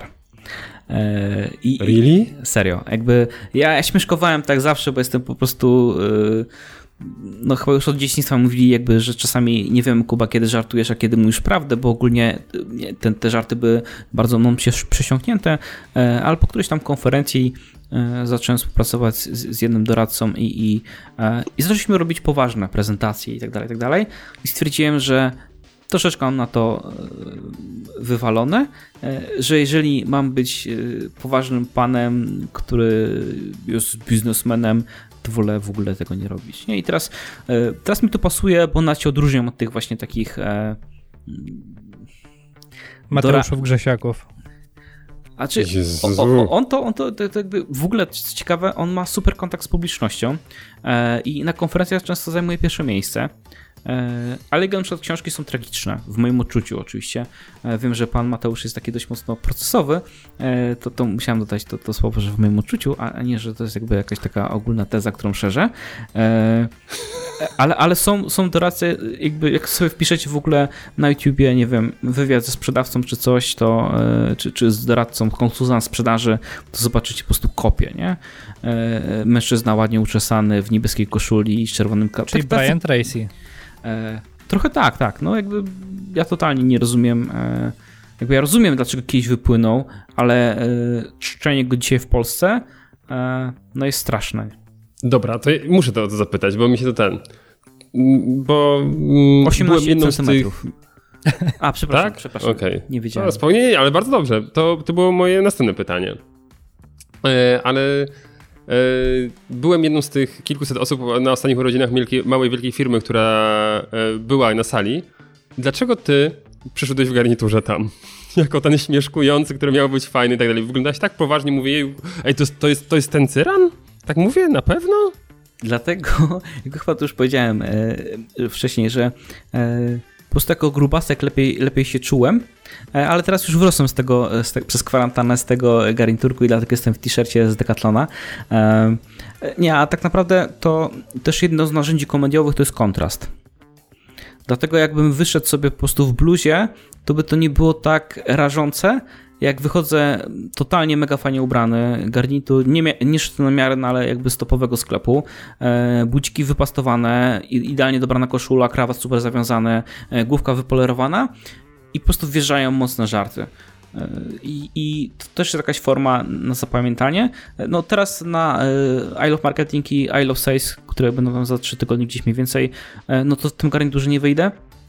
E, raczej wyjdę w t-shircie i jeansach, dlatego że to jest e, obecnie moja rozmiarówka. Tak, kwarantannowa, okej. Okay. Nie, na, na pozantaniu zapytam, kto doradza e, ci w PR-ze, ale nie wiem, ja, ja czuję, że... Znaczy to, to jest takie... Znaczy już nie doradza, moje... nie? Jakby to była jakby szybka piłka, nie? Tam 6, ja wiem. 6 miesięcy i nara, nie? Tak, tak. No ja wiem, jak, jak sprzedawca. Pyk, wykorzystać i... Trzeba właśnie nie wykorzystać, nie?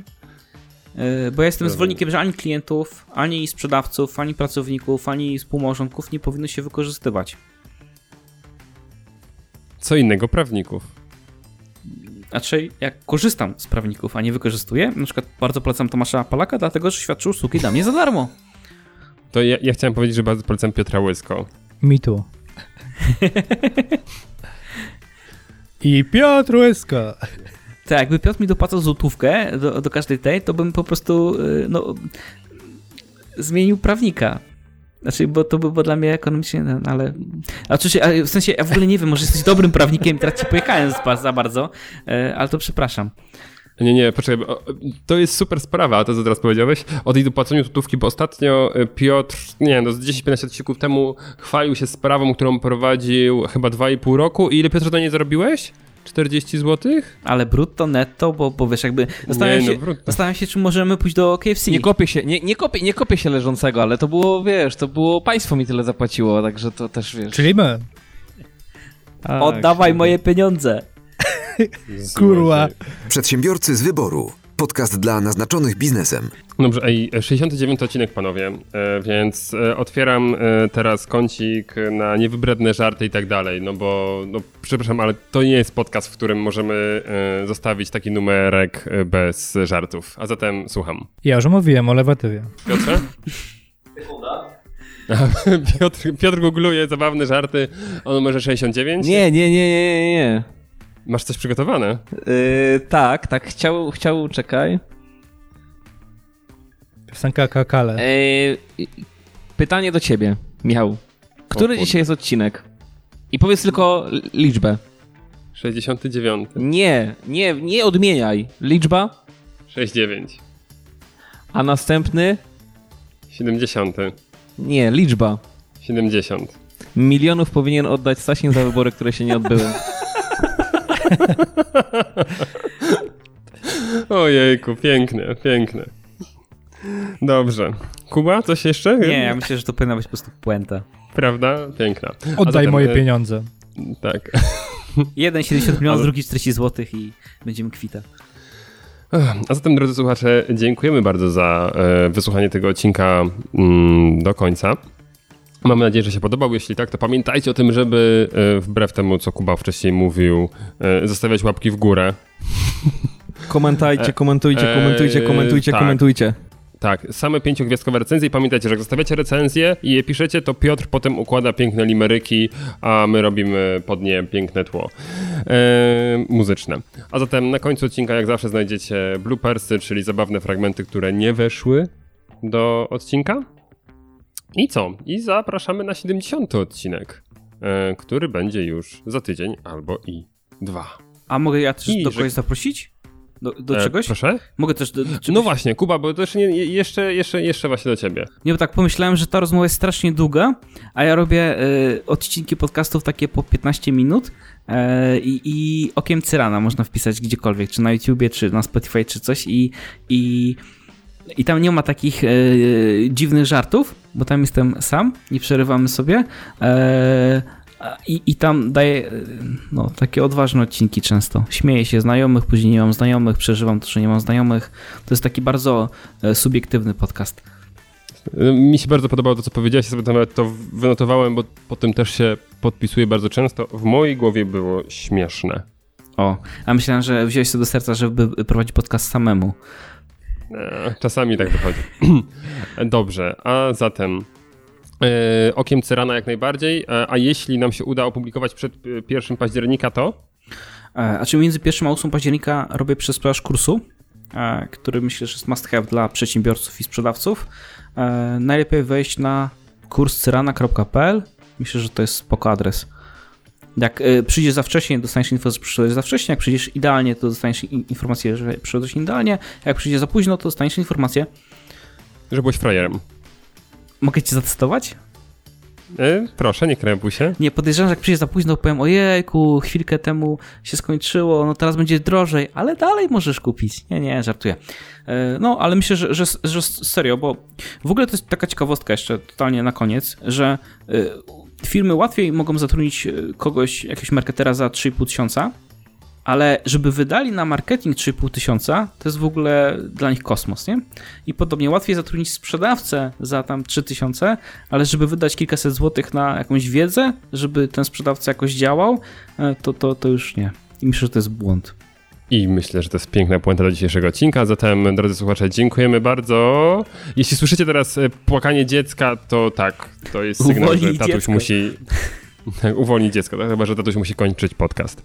A zatem dziękujemy bardzo za e, wysłuchanie dzisiejszego odcinka i nagrywali dla was Michał Kucharski, Mateusz Majk. I Piotr Łysko! a gościem był Jakub Cyran. Dzięki, na razie, cześć. Przedsiębiorcy z wyboru. Podcast dla naznaczonych biznesem. Porady, studium przypadków, nowinki, analizy, dyskusje, rozmowy, opinie. Myślałem, że masz jakąś fajną interpretację, że gdzieś coś e, się posypało z tym. Nie, nic fajnego. Sam Poczekajmy, poczekajmy po Jak nie mam newsa, to wymyślam. A owocowe czwartki można e, wprowadzać do pracy zdalnej i to rozliczać? Trzeba! Trzeba! Można, trzeba! Owocowe czwartki? Przecież to jest ważniejsze niż pensja, chłopie. Ja kiedyś, ja kiedyś rzucałem śliwkami w y, y, okna byłego pracownika, to, ale i to był czwartek. to liczy się? Czy, jesteś pre prekursorem takiego dbania o, e, no, O jego zdrowie? szyby. A te śli śliwki były przejrzałe, rozumiem? Przejrzały, przejrzały nas wszystkich. Tak. No to od razu się nasuwa pytanie, czy będą dodawali e, przepisy siostry eutanazji? Eutanazji? Faustyny. O, no oczywiście. A, znaczy, znaczy, znaczy, ja dawno nie byłem na poczcie, ale tam są właśnie te wszystkie książki kucharskie. E, ale Anas widzisz, Anastazji, to jest ta siostra, która była córką tego cara, czy nie? A, To musi być stara, w sensie... Naprawdę nie byłeś dawno na poczcie.